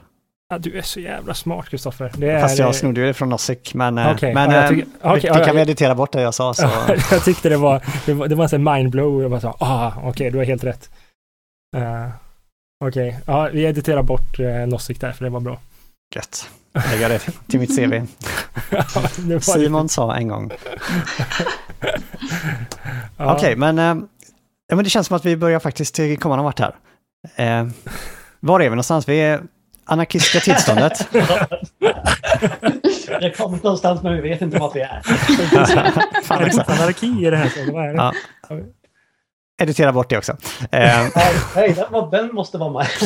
Eh, anarki och vi har rättigheter och den psykologiska tendensen att övervärdera sin egen eh, skada och undervärdera andras. Okej, vad händer då om vi postulerar de här sakerna? Vad kommer hända då med utvecklingen? Vad kommer hända om vi antar dem? Ja, Okej, så vi har ett tillstånd nu då, anarkistiskt tillstånd. Alla kan kränka varandra och eh, jag måste som person alltid vara på min vakt så att inte jag blir kränkt. Och om jag blir kränkt så måste jag skydda mig och utkräva kompensation. Det är också en psykologisk tendens, precis som alla andra människor, att övervärdera skadan som, som orsakades mig. Och problemet är här att vi har viljan som är så förbaskat stark. Eh, och brottas med småbarn. Precis, och jag, Johanna och Simon är ju småbarn. Och, eh, så vi har väldigt svårt att skydda oss mot den här hemska William. så eh, ja, vad tusan gör vi? Ja, men ett smart drag, menar Nozick, som vore naturligt att komma på, vore ju att vi gör en pakt så här, att om William går på någon av oss tre så kommer vi alla tre till försvar och tillsammans är vi starkare än William. Att det här är liksom en situationens logik som Karl Popper brukar prata om, eh, kräver eller dikterar eller implicerar att eh, det här är en någonting man kommer att göra om man är en rationell agent. Alltså du får så mycket svåra saker att låta så lätt. Det, förlåt, det var helt orelevant. Men ja, du har helt rätt. Gött, ännu mer till CVt. Ja, nej men, eh, nej men precis. Och här startar ju det skyddssammanslutningarna som man pratade om. Att, att vi kommer, alltså det spelar ingen roll om jag eller William är jätte, jättestark, för tillsammans så kommer vi vara starkare än William. Så Mm. vi kommer, Och skillnaden är att det här är ingen stat för att vi, vi gör ju verkligen, vi kommer överens om detta. Frivilligt liksom. Mm. likt, likt diskmaskinsgrejen, vi, vi bestämmer att vi ska styra över diskmaskinen tillsammans. Mm. Eh, fast det är ingen stat he- helt enkelt. Vi, vi, vi går emot diskmaskinstyrannen William här. Eh, vi borde släppa det här exemplet. Eh, Man kanske kan prata om situationer så här, så att situation ett är det totala anarkistiska tillståndet. Situation två är när vi har kommit överens om de här skyddssammanslutningarna. Så att jag och Johanna Simon säger att äh, men vi skyddar varandra. Om, om det kommer en skurk så går vi ihop. Okej, så det är situation två. Varje situation har sina egna problem som liksom pekar framåt en lösning. Alltså de har en situation, situationens logik. Och situation två då är ju problematisk. Eh, varför? Eh, jo, men det är ju problemet är att alla är poliser hela tiden, är ju ett problem. Jag, Johanna och Simon är hela tiden på sin vakt. En kränkning mot någon av oss kommer innebära att alla måste springa dit. Så vi, vi kommer liksom ha väldigt svårt att göra annat som man måste göra. Odla potatis och sådär. Alla måste jobba som poliser hela tiden. Men förlåt, säger, säger Nozick det här? Eller skulle man även kunna tolka det som att no, vad Nozick menar är att man skulle kunna starta massa små försäkringsbolag helt enkelt som, som upprätthåller, eller som skyddar varandra? Jag vill minnas att han säger det. Ja, men anledningen till att eh, man ko- kommer överens om en arbetsfördelning är att det är så himla effekt- ineffektivt att vara polis hela tiden. Så att Mm.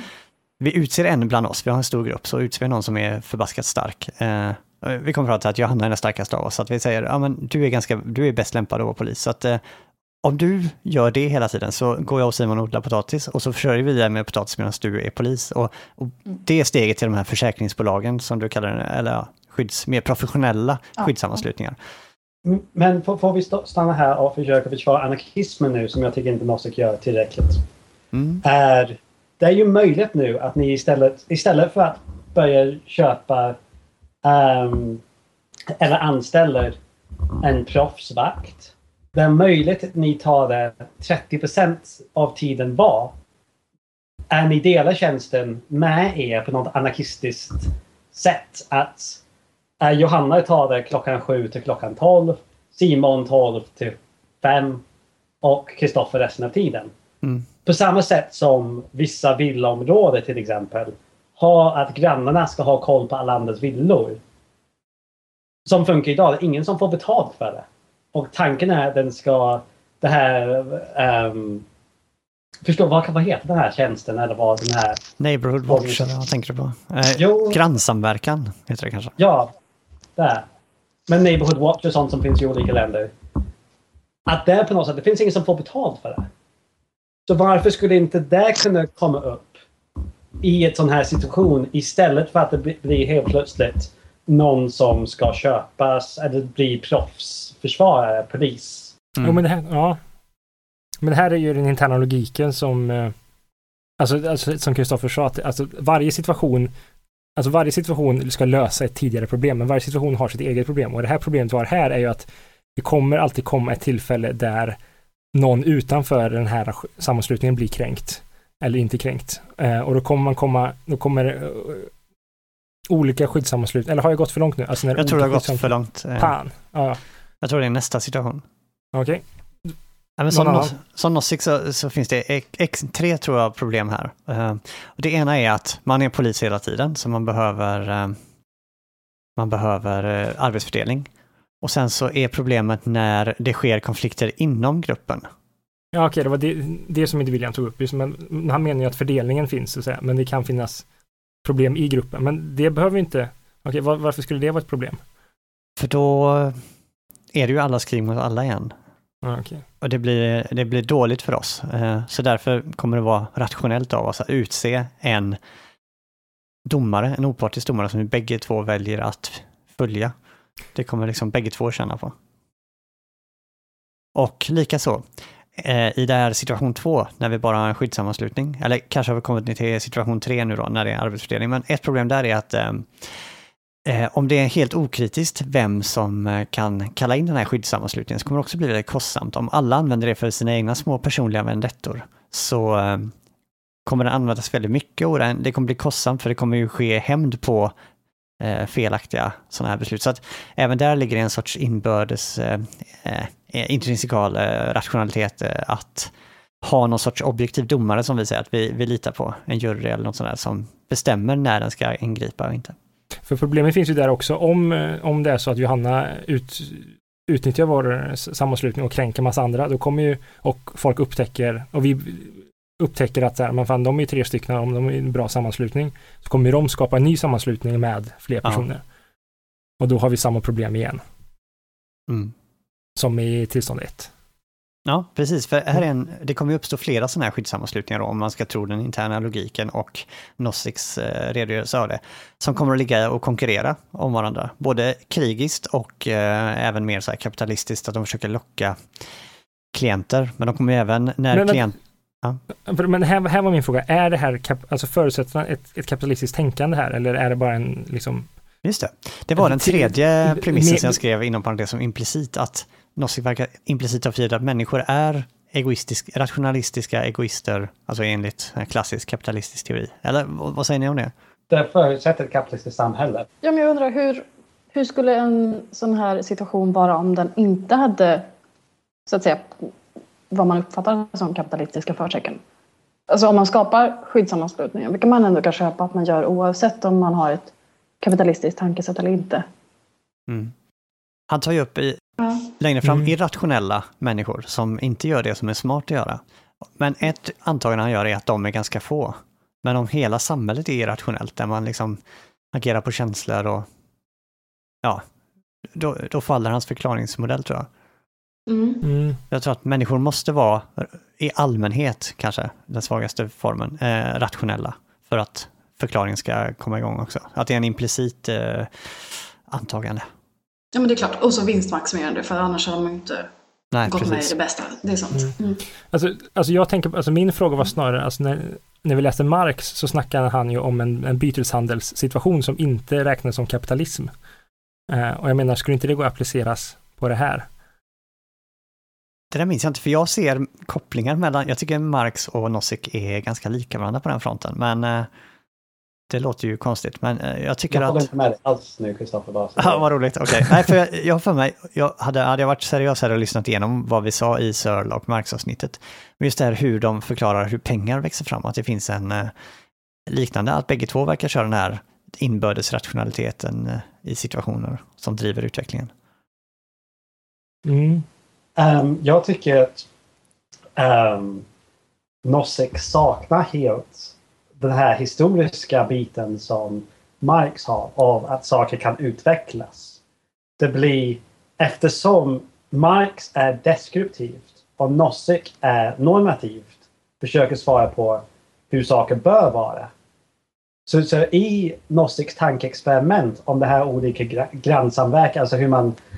Den här gruppdynamiken. Han säger inte det här faktiskt är steg som faktiskt skulle kunna ske. Eller som har skett menar jag. Det- är steg som skulle kunna ske i ett, eh, för att försöka hitta det som är normativt berättigade. Hur, hur människor bör agera. Inte hur människor har agerat. Och det tycker jag är en väldigt viktig distinktion mellan Marx och Nozick. För det- Nozick har saknat totalt eh, en historisk förklaring. Alltså hans, hans fråga varför inte anarki eh, och, och, och varför tar den frågan seriöst och menar att anarki också ger ett svar på att vi har tillstånd där våra rättigheter inte är kränkta. Så menar han ju att det finns ingen i, idag historia, alltså det finns, han, han nämner ju att liksom, det troligtvis inte har funnits en enda stad någonsin som inte har skapats genom, som har varit moraliskt eh, godtagbar i sitt skapande så att säga. Han menar ju att de flesta, eller jag för mig han säger i alla fall att de flesta, eller alla stater har alltid historiskt grundats genom massmord eller genom etc. etc. Alltså genom hemska krän kränkningar av individer. Och om man bara utgår från det så skulle staten inte vara berättigad. Men han vill kolla om staten skulle kunna vara berättigad trots allt. Om man skulle kunna hitta en poten- en potentiell förklaring, även om den är felaktig. Alltså att den historiskt faktiskt är felaktig. Alltså det har med hans fundamentala förklaringar. Mm. Och säga att det är Ja, förlåt. Alltså jag skulle kunna kanske ha haft mer respekt för varför Nozick har gjort så. I vad jag precis sa. Men det leder till att han får använda dagens institutioner i en skapelse av en stat. För han får använda pengar. Och vi pratar om eh, i, i Marx och Söder-avsnittet om hur pengar utvecklas. Som en social accepterad institution. Det kräver en stat. tror jag, Nej, nej det gör inte det. för- för Räcker det inte med pengar. byteshandel? Det räcker. För- Det kräver byteshandel i allting, så, i allting Nozick säger. Alltså pengar kan ju komma fram i, alltså som vi snackade med Marx, att, att, det, att det kan ju vara en Alltså, alltså genom byteshandel så upptäcker vi att vi behöver någonting som är lättare och som man kan byta ut mot allting och så helt plötsligt har vi guldpengar eller vad vi nu kallar det.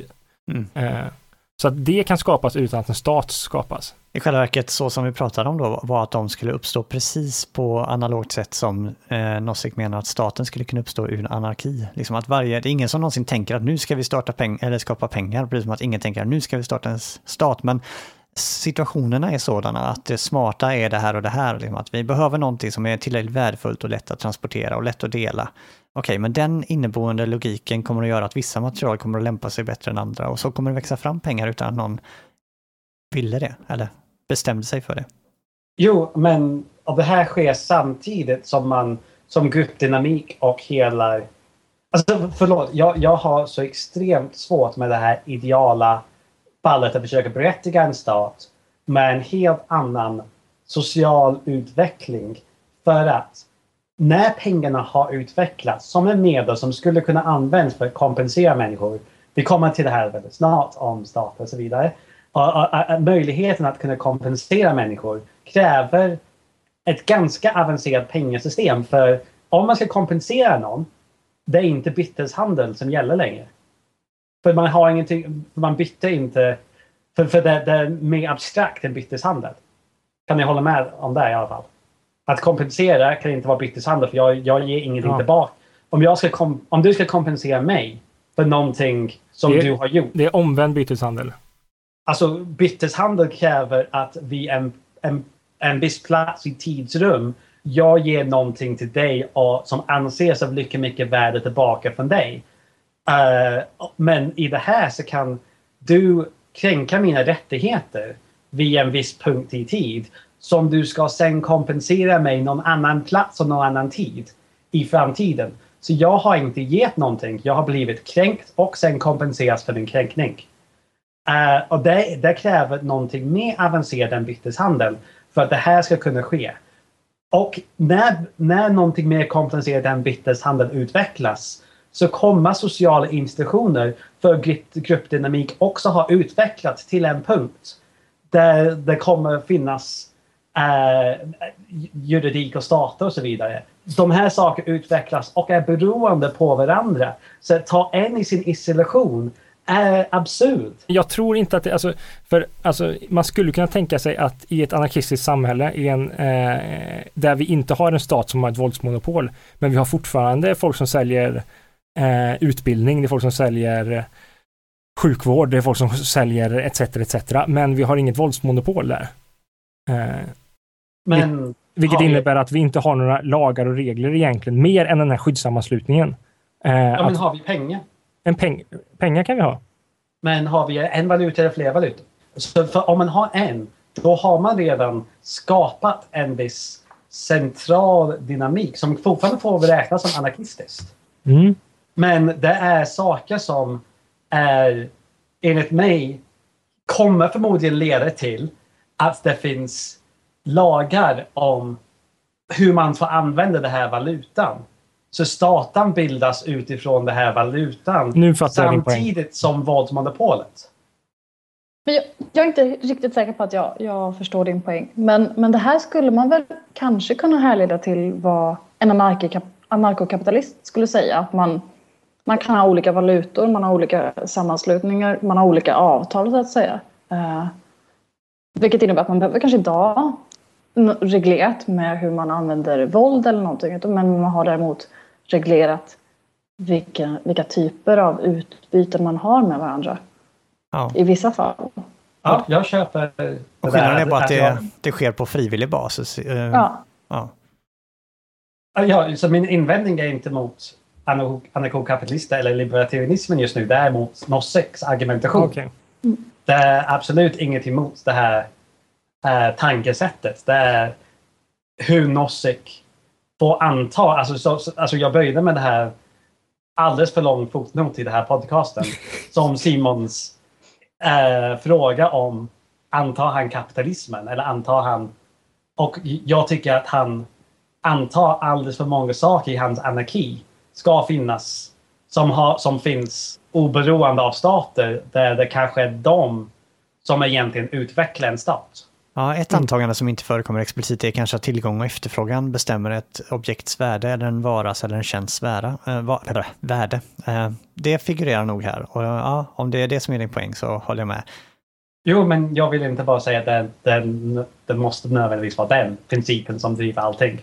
Men ja, Jag fick en aha-upplevelse av en grej som Simon sa. Jag har, har kämpat eh, Eh, jag har kämpat jättemycket med eh, hur eh, just det här, hur han kan legitimera staten givet att ingen stat faktiskt uppkommer på detta sättet.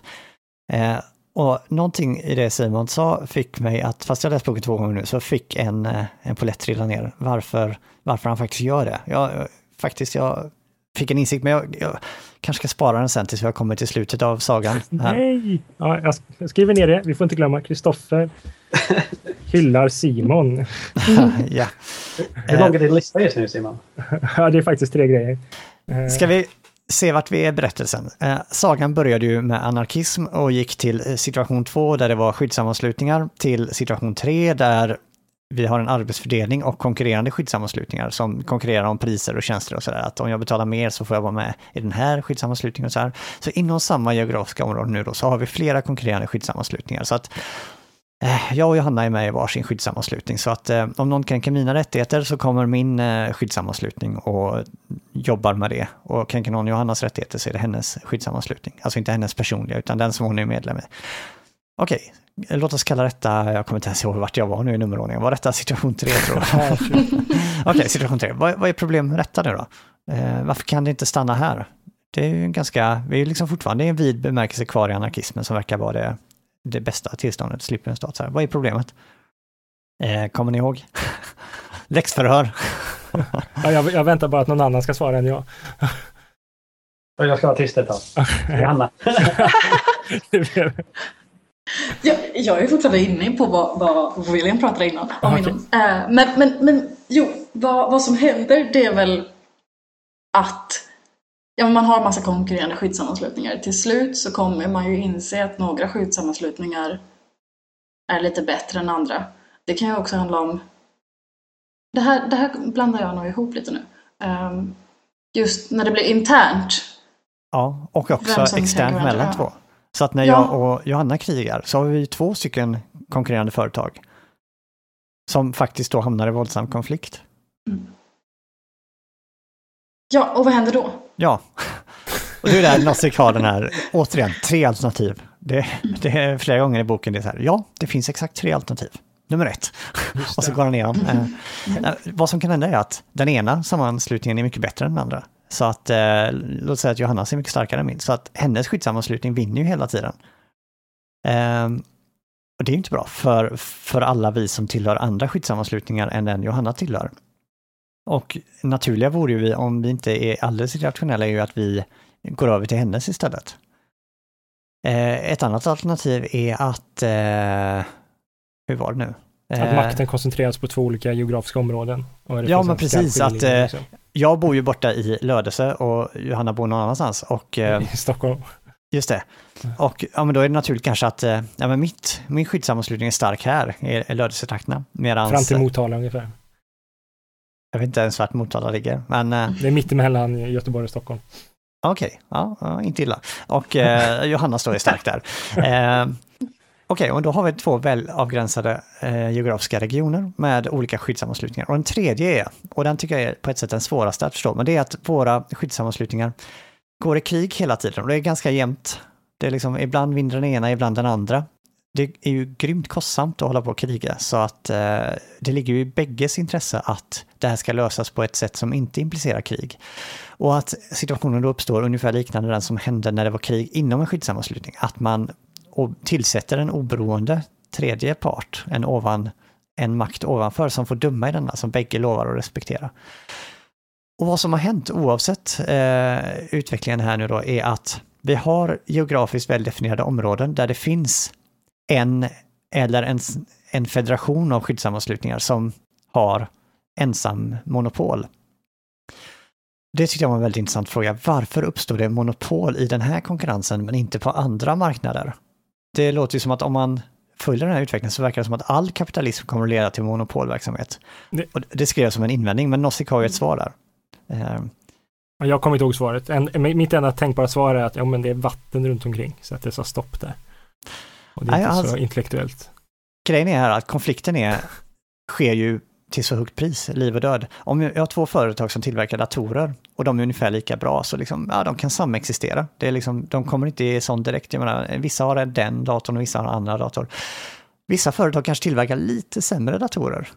Och det är ju tråkigt, men det är inte katastrof. Det är inte, jag råkade av olika skäl köpa en lite sämre dator. Det är tråkigt för mig, men det är inte, liksom, jag kan, det är fortfarande en ganska bra dator, det är fortfarande en ganska bra dator. Den är inte bäst, men den är fortfarande ganska bra. Men om vi går till de här skyddssammanslutningarna, de hamnar ju i kamp på liv och död, i våldsam konflikt. Just i den situationen är allting annat än det bästa är väldigt, väldigt dåligt, så att en ganska bra dator är fortfarande en ganska bra dator. En ganska bra skyddssammanslutning är ganska uselt. Liksom. Eh, det är potentiellt livsfarligt att inte ha den marknadsledande. Så just i den här branschen så finns det då en inneboende motor som driver mot monopol för att det är sån radikal minskande nytta av allt annat än en marknadsledande eh, skyddsanslutning. Men samtidigt man kan ändå av e-, effektivitetsprinciper som, som kapitalism antar, eller liber, vissa, vissa sorts liberala tänkande sätt antar, då kommer det alltid leda till, till um, mer åt monopol om man inte har antimonopollagar. Eh, och bara ett, ett exempel. Och, eh, till antalet banker som finns i USA, antalet stora filmbolag som finns det, det, det minimeras hela tiden. Det, och eh, de, de stora företag köper upp andra stora företag. Så det blir ett, bara så ett fåtal aktörer. Medan det fanns, för kanske 20 år sedan, det fanns fler banker i USA. Nu finns det bara eh, kanske så här fem, sex stycken som är ganska stora. Enbart på grund av samma princip som de här tre, eh, eller som, som säger, eh, om våld att det blir en. Det blir mot en monopol i alla fall. Jag funderar på om det är en rimlig jämförelse. För det är ju, det är ju mängder av lagstiftning som, som föregår banker. Att de måste ha en viss soliditet och sådana grejer. Är det inte det? Och då blir det ju plötsligt inte lönsamt att vara en liten bank. Trots att det kanske skulle finnas en efterfrågan på små banker. Och då blir det ju inte en, en, alltså en hållbar jämförelse relativt våldsmonopol. Eh, Alltså, jag, jag tänkte enbart på banker. Jag, jag tror jag såg en grafik på nätet för typ fem månader sedan om antalet banker och det var det första exemplet jag, som, som slog mig. Men jag tror det finns fler industrier man kan tänka på när det gäller just monopolet. Det, det behöver inte enbart vara just um, banker. Det kan vara telefonbolag i USA också. Det är något. Uh, jag, vet, inte- eh, jag vet inte varför jag bara tar exempel med USA just nu. Det kanske är någon slags anti-amerikansk grej på grund av Nozick. Men uh, att- den tendensen att mark- marknaden tenderar mot monopol tycker jag är inte någonting som är, är, det kan applicera mot allting i, inom ett kapitalistiskt samhälle tycker jag. Det är fortfarande det finns lite stöd här och där. Det kanske är så. Kanske spelar det ingen roll för just Noziks argument. Jo, han, men jag, jag tror faktiskt det. Bara ett exempel som du skulle kunna ta är ju eh, elektronikkedjor i Sverige. Efter Mediamarkt kom in så har både On-Off och eh, Expert försvunnit.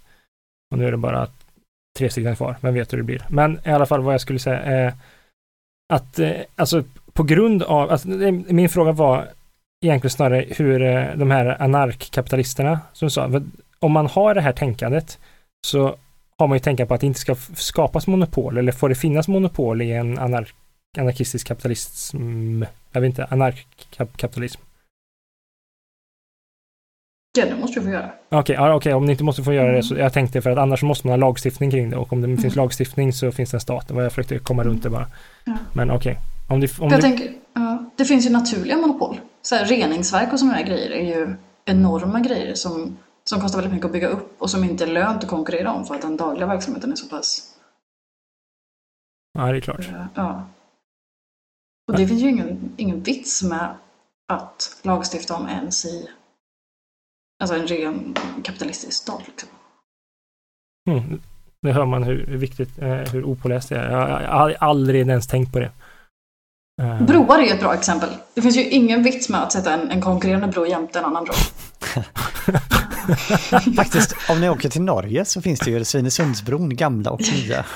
Eh, Det verkar som att den gamla är billigare också, eller rent av gratis, och ändå åker de flesta över den nya. Jag försökte eh, få GPSen att köra mig över till eh, den gamla, men det, det gick inte på något sätt. Den, hur jag än knappade så ledde den mig till den nya, så jag gav upp och betalade vägtull och åkte.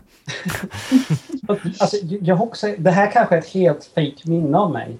Som, som jag har. Men jag tror det finns en bro mellan Kanada och no, no, USA någonstans där. Mellan två städer. Och bron ägs av en person. Och folk är så förbannat på honom att de ska bygga en ny bro. Men det här skulle kunna vara ett totalt fake minne som jag bara hittat på. Men det var någon konflikt mellan han som ägde den här bron från USA till Kanada och staden som ville bygga en ny bro. Tror jag det var en ny bro. Men om man tänker Noziks argument här för att legitimera staten så behöver han väl egentligen bara eh, påståendet att det finns en, eh, Mm. en motor, inbyggd motor i eh, situationen här som kommer leda till monopol för skyddssammanslutningar. precis. Oavsett om det finns tendenser till monopol på andra marknader eller inte. Och, då, alltså problem, och det vi hamnar i då är att vi är fortfarande i en anarkistiskt tillfälle. Men nästa situation är ju om det kan fortfarande finnas individer som inte vill vara med i det här monopolet. Just det, nu har en Eh. situation som är väldigt lik en stat. Men ja, fast det ändå inte, inte riktigt. Det har inte blivit, nej, precis, det har inte blivit staten. Vi har Men- vad han kallar en dominerande skyddssammanslutning som har ensamrätt på den verksamheten inom ett begränsat geografiskt område. Ja, det är ju väldigt likt en stat kan man tycka då. Men varför är det då inte ännu en riktig stat? Undrar Nosek. Jo, ja, men det är ju såklart för att det inte är eh, omfördelande av resurser. Den tvingar inte någon att gå med i skyddssammanslutningen. Visst, det är jättemycket bättre att göra det. Är- Alla rationella människor borde göra det. Men det kan finnas irrationella människor som bara, nej, av ren princip själva, jag, jag vill inte ha med dem att göra. Ungefär som de här som vägrade åka över bron då, som William hade sitt eh, falska minne av. Eh, liksom, visst, de tjänar på att åka över bron, men eh, nej, de vill bara inte, de gillar inte det här och eh, gör det inte. Och, eh, Möjlig falskt minne. Ja, möjligt falskt, potentiell falsk fundamental förklaring. Ursäkta, jag avbröt. Eh, nej, just det. Och, och då, därför har vi inte en stat ännu, för att det här bygger trots allt fortfarande på frivilliga transaktioner mellan eh, vuxna individer. Eh, att man går med i skyddssammanslutningen. Det finns en möjlighet att vägra. Och det som händer är ju då helt enkelt att eh, i nästa steg så, så om någon av de irrationella personerna skulle kränka någon annan eller om någon inom skyddssammanslutningen skulle kränka någon utanför så skulle fortfarande skyddssammanslutningen alltså kan i slutändan inte godta det här. Det är väl så argumentet går va? Um, att uh, de måste fortfarande, alltså om William inte är med i vår skyddssammanslutning här, men han kränker mig, så kommer vi fortfarande vara tvungna att bestraffa honom eh, på grund av det här. Mm. Eh, och det, det kommer leda till att, och, och, vi, och vi har samma sätt att vi kan inte riktigt, det här kan jag inte riktigt köpa, eller det hänger inte riktigt med på, men han menar också att om jag skulle kränka William så måste vår skyddssammanslutning skydda William.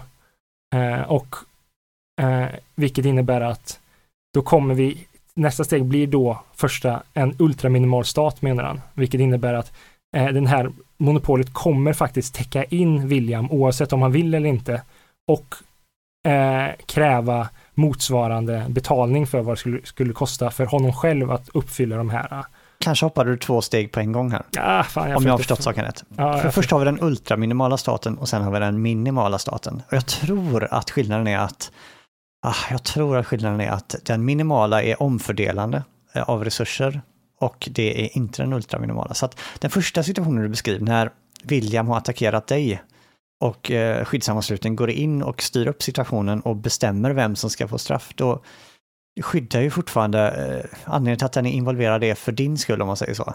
Sen att William råkar få tjänsten på köpet, eller han har liksom inget val, skyddsammanslutningen skyddssammanslutningen bara stövlar in och tar hand om saken. Då är den fortfarande inte så att den tar resurser från någon annan att skydda William.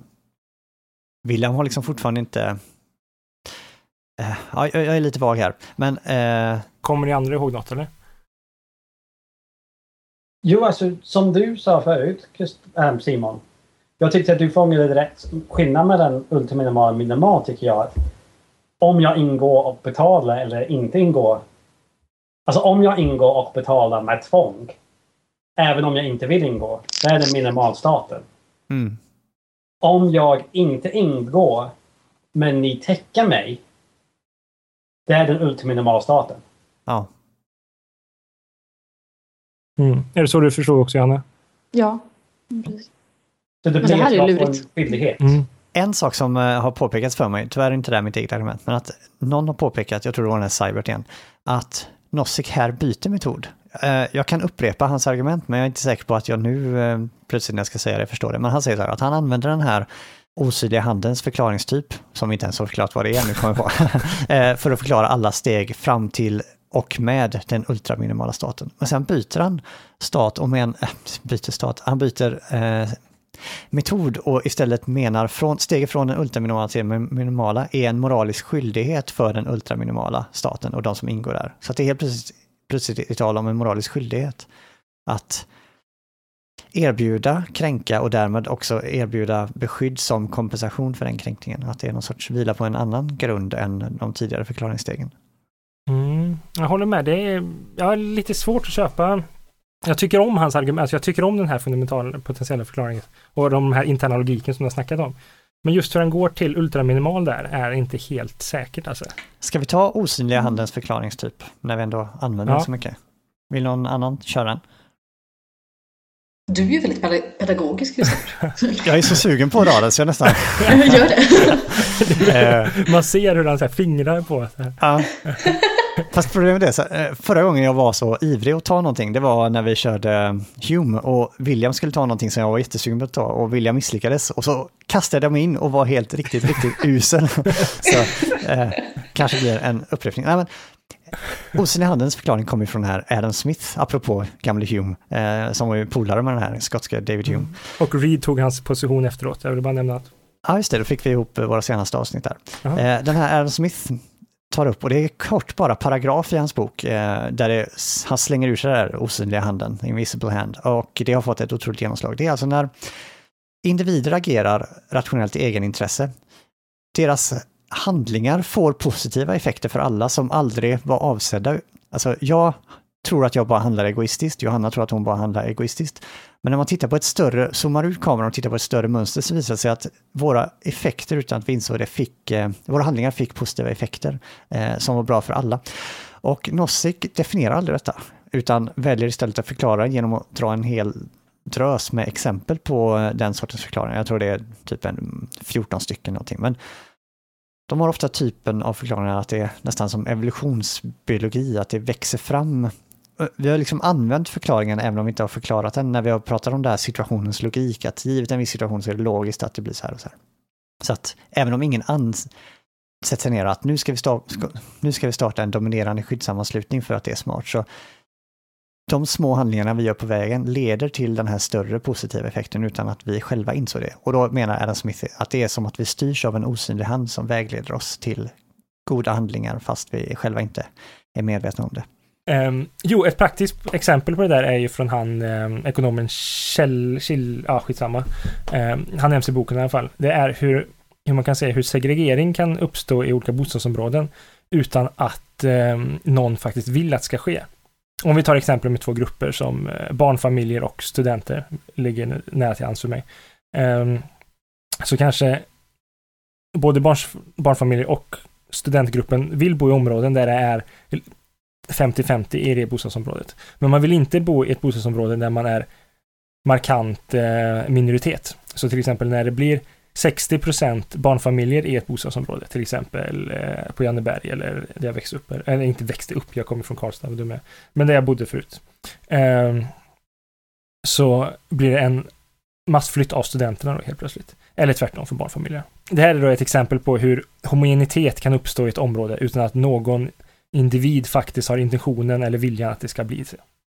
Okej, okay, så, så, jag har ett, äm, ett par frågor jag har till er angående det här osynliga handeln för att, som modell. För, för jag har såklart några problem med det. Jag kan bara förstå det i, i termer av äm, gruppdynamik och matematiken bakom det. Och äm, Det handlar om alltså i en kaotisk tillstånd så kan olika sorts stabiliteter förekomma.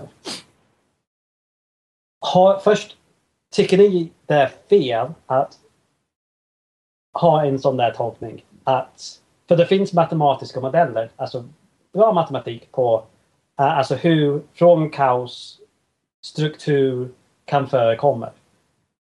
Är det så att den osynliga handen, den osynliga handen är ett metafor på, en, på, på det här fenomenet? Att struktur förekommer från ingenting? Nej, jag skulle säga att det inte är det, för jag tror det är mer eh, rationellt än så. Och jag tänkte kanske att vi inte behövde gå in på det, för jag tycker det är så svårt eh, och det kanske blir väldigt tekniskt. Men har ju det här när han förklarar processen genom två stycken filtreringsprocesser, eller nej, två principer. Filtrering, filtreringsprincipen och vad var det andra? Jämviktsprocessen? Jäm, Jämviktsprocessen, ja precis. Ja. Så att det finns liksom, det är inte så att det bara är en slump eller det uppkommer ur ingenting ordning, utan det finns inneboende mekanismer som gör att de här mönstren uppstår. Jo, men jag tycker det är helt kompatibelt. Okay. Med vissa variabler så finns det vissa um, variabelkonfigurationer där det blir stabilt. Mm. Ja, okej. Okay. Ja. Uh, ja, det kanske är med proble Problemet är, i det här matematiska i alla fall, det finns flera stabila punkter. I de, inte i alla, stabil, stabil, i alla system, men i många system behöver det inte nödvändigtvis bara en stabil punkt som gäller. Så att sen säga en nödvändighet utifrån den osynliga handen om den menar stabilitet utifrån dynamiskt system enligt mig är väldigt, väldigt svårt. Att säga det är möjlig stabilitet. Okej. Okay. Nödvändig stabilitet. Stort nej. Du menar att det kan finnas, eh, Nozick visar att vi har ett instabilt tillstånd, nämligen så det initiala anarkistiska tillståndet så som det är definierat, det har en inbyggd instabilitet. Och här visar han på en väg som leder till ett stabilt tillstånd. Och så säger du att kan det finnas andra möjliga stabila tillstånd? Om det gör det så är inte det alternativet Nozick lägger fram en nödvändig konsekvens. Uh, ja, precis. Det är möjligt att andra osynliga händer ja. skulle kunna ge olika upp, uh, stater eller ja, olika... Historiska utvecklingar och så. Ja, det här är möjligt.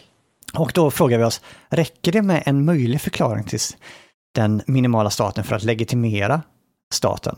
Och, inte om det finns en möjlig stat som är anarkistisk. Okej, okay. nu kommer vi, om jag får lov att ta den, så den här poletten som trillade ner när Simon pratade förut. För jag brottats med just detta. Varför eh, anser Nozick att han legitimerar våra stater? Även om vi förminskar våra nuvarande stater till en minimal stat. De har ju inte uppstått så som han säger. Hur sjutton kan han legitimera dem genom att dra den här tankeexperimentet, den fantasiberättelsen, och som dessutom inte är nödvändig som William mycket riktigt påpekar, utan det är en möjlig förklaring. Alltså en, stat en minimal stat skulle kunna uppstå eh, på detta sätt utan att kränka rättigheter. Och just det som jag just råkade säga, där är ju svaret att det faktum att en minimal stat skulle kunna uppstå helt legitimt utan att kränka de här rättigheterna som jag har postulerat, innebär att en minimal stat är legitim eh, nu tappar jag poletten nästan, är legitim alldeles oavsett om den har uppstått på det sättet eller inte. Alltså att den faktiskt uppstått på ett annat sätt eller att den Ja, spelar ingen roll. Den hade nej. kunnat uppstå på det här legitima sättet. Så tänker sig alltså, alltså, Ja och nej. Ja, men om det finns möjligheter, det finns flera möjliga um, osynliga händestater.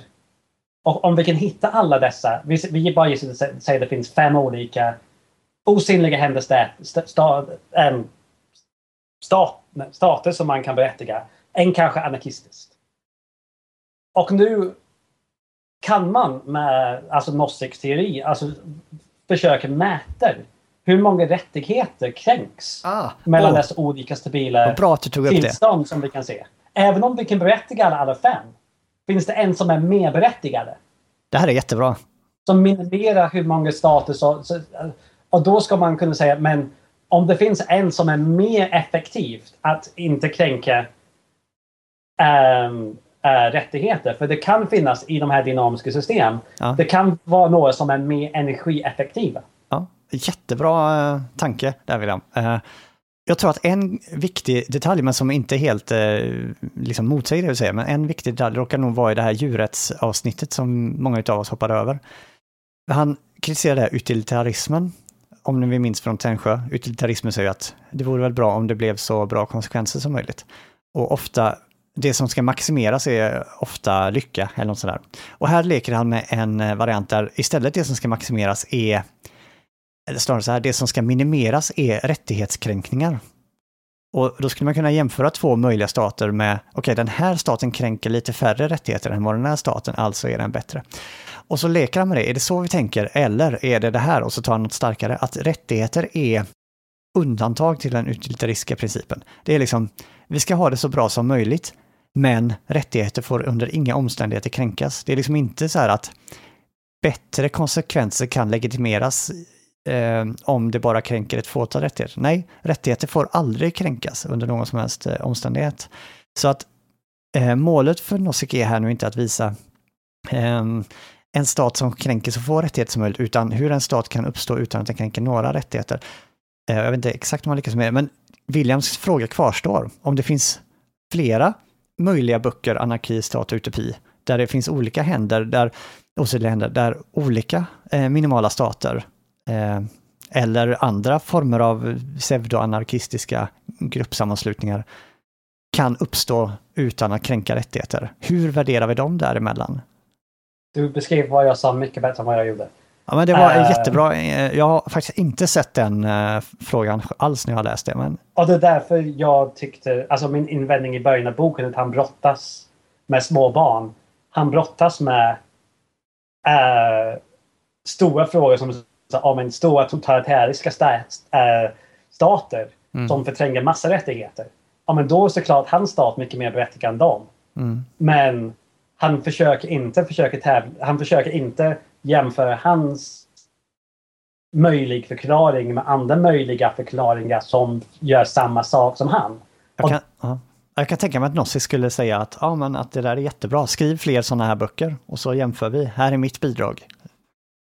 Ja, alltså, alltså, jag har, alltså bara för att summera det här, för, alltså, jag håller med dig en jättebra, men alltså, hans poäng var att hitta en möjlig förklaring och att han faktiskt hade fel på ett ställe. Alltså visst, det suger, men som sagt, det försämrar fortfarande inte att han har gett en möjlig förklaring. Eh, så att eh, hans, han är fortfarande rått, rott hem sin poäng, eller det han, satt, eller det han försökte göra. Mm. Nej, men hur han använder den osynliga handen för mig är en, att han blandar ihop möjlig och nödvändig. Mm. Mm. Alltså, Ja, det- ja, det är någonting jag, jag förstår annat. vad du säger. Ja, möjlig Ja. förutsätter den, för annars skulle liksom inte förklaringen komma vidare. Men den är inte så stark som nödvändig, utan det är någonting, det är möjligt och det är rationellt att gå åt det här hållet. Det han har gjort är att hitta något sätt att liberalismen kan förankra sig i naturtillstånd. Mm. Och det har ett möjligt sätt att kunna göra det. Och jag köper det här. Det är ett möjligt sätt det kan vara. Men jag, jag, jag tycker inte det, det wowar inte mig. Nej, okej. Det, det är inte stort. Det, är- det, jag, jag bryr mig nästan inte. Nej, ehm, vad jag tänkte på det, alltså, bland annat Lock använder ju samhällskontraktet. Så här kommer man väl också med något nytt, att det är, att det är en rationell slutpunkt. Liksom, att man, inte, man behöver inte skriva under någonting utan man... Alltså det, det är någon slags evolution fast i politik. Det är väl någonting som ska ha nog så mycket cred. Mm. Absolut. För att precis som Johanna säger, ja exakt, samhällskontakt var ju liksom ledande att enda sättet att ta sig ur det här allas krig mot alla är en explicit, vi kommer överens om detta och så visar de sig att nej, här finns ett annat sätt. Mm. Eh, jag har två saker som eh, kritiska poänger att ta upp. Okej, för det första då, jag sa så här, eh, Nozick har i alla fall lyckats med det där att han visar hur en stat kan uppstå utan att kränka folks rättigheter. Här är problemet att har han verkligen gjort det? Ja visst, han kommer fram till den ultraminimala staten utan att behöva kränka folks rättigheter. Det kan jag hålla med om. Men steget från den ultraminimala till den minimala. Den minimala är ju omfördelande. Den tvingar folk att eh, eh, eh, eh, ansluta sig mot sin vilja. Man får liksom inget val. Mm. Och inte den ultraminimala, nej. Den minimala gör det. Den minimala, precis. så Okej, det är ja. steget från den ultraminimala till den minimala. Och det var det jag sa förut att jag kunde upprepa ett argument som jag inte kommer ihåg, men nu börjar det komma tillbaka här. Eh, Att det är det som skiljer det steget från alla de tidigare stegen i hans resonemang. Att där kränker faktiskt staten vissa irrationella individers rättigheter. Och varför tillåter han det? Jo, för att eh, eh, kompensation är liksom tanken här då att om staten då kompenserar med att ge dem beskydd, då är det okej plötsligt. Och där vet jag att många, eller i alla fall några, har kritiserat Nozick att här kanske han är, liksom, han biter inte sin egen, ja, tar inte sin egen medicin här eller så. Han, här tillåter han plötsligt staten att kränka individer bara man ger kompensation och då är utmaningen, som vi kommer att diskutera i del två kanske ännu mer då, varför inte fortsätta med samma metod där då, att staten får kränka lite till i utbyte mot kompensation. Det tycks vara en asymmetri här i Jag ska säga så här att kompensationen utmäts utifrån vad den här individen skulle ha själv lagt på att, att försvara sig själv. Så att det är Mm. så eh, själva värdet på kompensation, eller summan, mä- mängden, variabeln på kompensationen Ja. kommer fram. Okej, men den andra grejen jag tänkte på, eh, och det är mer spontan tanke bara, att, och det här knyter an till Williams eh, tvätt, diskmaskinslista, nämligen att det finns alternativa grupparrangemang eh, arrangemang som tycks faktiskt vara stabila. Okej, vi har mer eller mindre eh, ett anarkistiskt tillstånd mellan stater i världen idag. Och istället för att någon kränker min personliga kropp och sådär, så kränker vi varandras territorier, territorier och sådär. Eh, och vi har det här anarkistiska tillståndet. Vi har inte upprättat någon riktig skyddsammanslutning. FN, ja, fast den är väldigt svag. Så här. Jag vet inte riktigt om det kan räknas. Det har ju liksom ingen... Ja, jag tycker inte riktigt det kan räknas. Det EU tycks... skulle räknas va? Ja, det skapar ju Ja, lagar och Å andra regler. sidan så kan man å andra sidan säga EU, USA, alltså det är bara hur stora enheterna är. Det är fortfarande i så fall anarkistiska tillstånd mellan de större. Mm. Och det här tillståndet har ändå varit ganska stabilt. Och visst, vi har haft lite världskrig och sådana detaljer. Men jag menar, det har ändå funkat väldigt länge i världshistorien med stater. Och det har inte Alltså, uppstått en skyddssammanslutning. Man skulle, Varför? nja, man skulle ju kunna, okej nu avbröt jag det ändå, eh, men eh, man skulle kunna tänka sig i, enligt den här eh, beskrivningen, hypotetiska beskrivningen som Nozick säger, så kommer det ju bli dåliga situationer lite och det kommer tvinga fram en, en stat. Och vi, helt enkelt så är vi bara inte kommit så långt än. I Så det är historiskt. ju ett, ett svar, så skulle man kunna säga. Och det, det här är lite svårt att avgöra exakt vem som har rätt, men alternativet är också att mer, så som William säger, att vi faktiskt har någon sorts annat tillstånd som faktiskt fungerar. På något sätt så lyckas stater hålla sig på varsin kant och mer, ja, någorlunda samexistera genom Mm. världshistorien, någorlunda. Jag faktiskt tror också på den andra. Fast det får mig att låta lite anarkist, så jag gillar inte. Det har också påpekats någon gång, läste jag, att eh, anarkism på det vanliga politiska planet är ofta väldigt, väldigt kontroversiellt. Det är väldigt få som förespråkar det. När det tittar på förhållandet mellan stater så är nästan alla anarkister och det här att föreslå en världsstat är ett eh, väldigt kontroversiellt. Det är liksom minoriteten som står för den. Så det här finns också en konstig eh, asymmetri. Mm. Därför att det blir någon sorts, som du sa förut också, alltså diskmaskinsanarkin. Att diskmaskinslistan fun funkar. I alla fall den är, den är pragmatisk. Det kanske finns vissa människor som ändå inte gör sitt jobb med diskmaskinslistan. Nej, det kommer då och då något litet världskrig sådär och vissa stater går faktiskt under men det tycks ändå... Eller ubåt från Nederländerna. Ja, exakt. Men det tycks ändå någorlunda fungera skapligt. Ja. Mm. Ja, det här var slutet på del ett av vår diskussion om, om Nozick, anarki, stat, utopi. Um, del två kommer komma inom kort och då kommer vi diskutera, då kommer vi fortsätta med, uh, ja vad kommer vi fortsätta med helt enkelt, Kristoffer? Ja, men nu har vi ju antagligen blivit ganska överens om att uh, vi nog behöver ha en stat med vissa reservationer från uh, William kanske angående alternativa anarkistiska grupperingar. Men Nästa fråga då är ju hur stark den här staten får lov att vara. Vad får staten lov att göra egentligen? Får den ta från de rika och ge till de fattiga till exempel? Um, och vi kommer förankra den diskussionen i, um, i diskussionen om de filosofiska grunderna för jämställdhet. Som Nozick tar upp och diskuterar, eh, diskuterar det. Eh, och kontrar det mot frihet som ideologi. Eh, så hoppas att ni eh, lyssnar på oss nästa gång och glöm inte kommentera på, i Facebookgruppen och eh, den förhoppningsvis nya hemsidan som kanske kommer upp inom kort.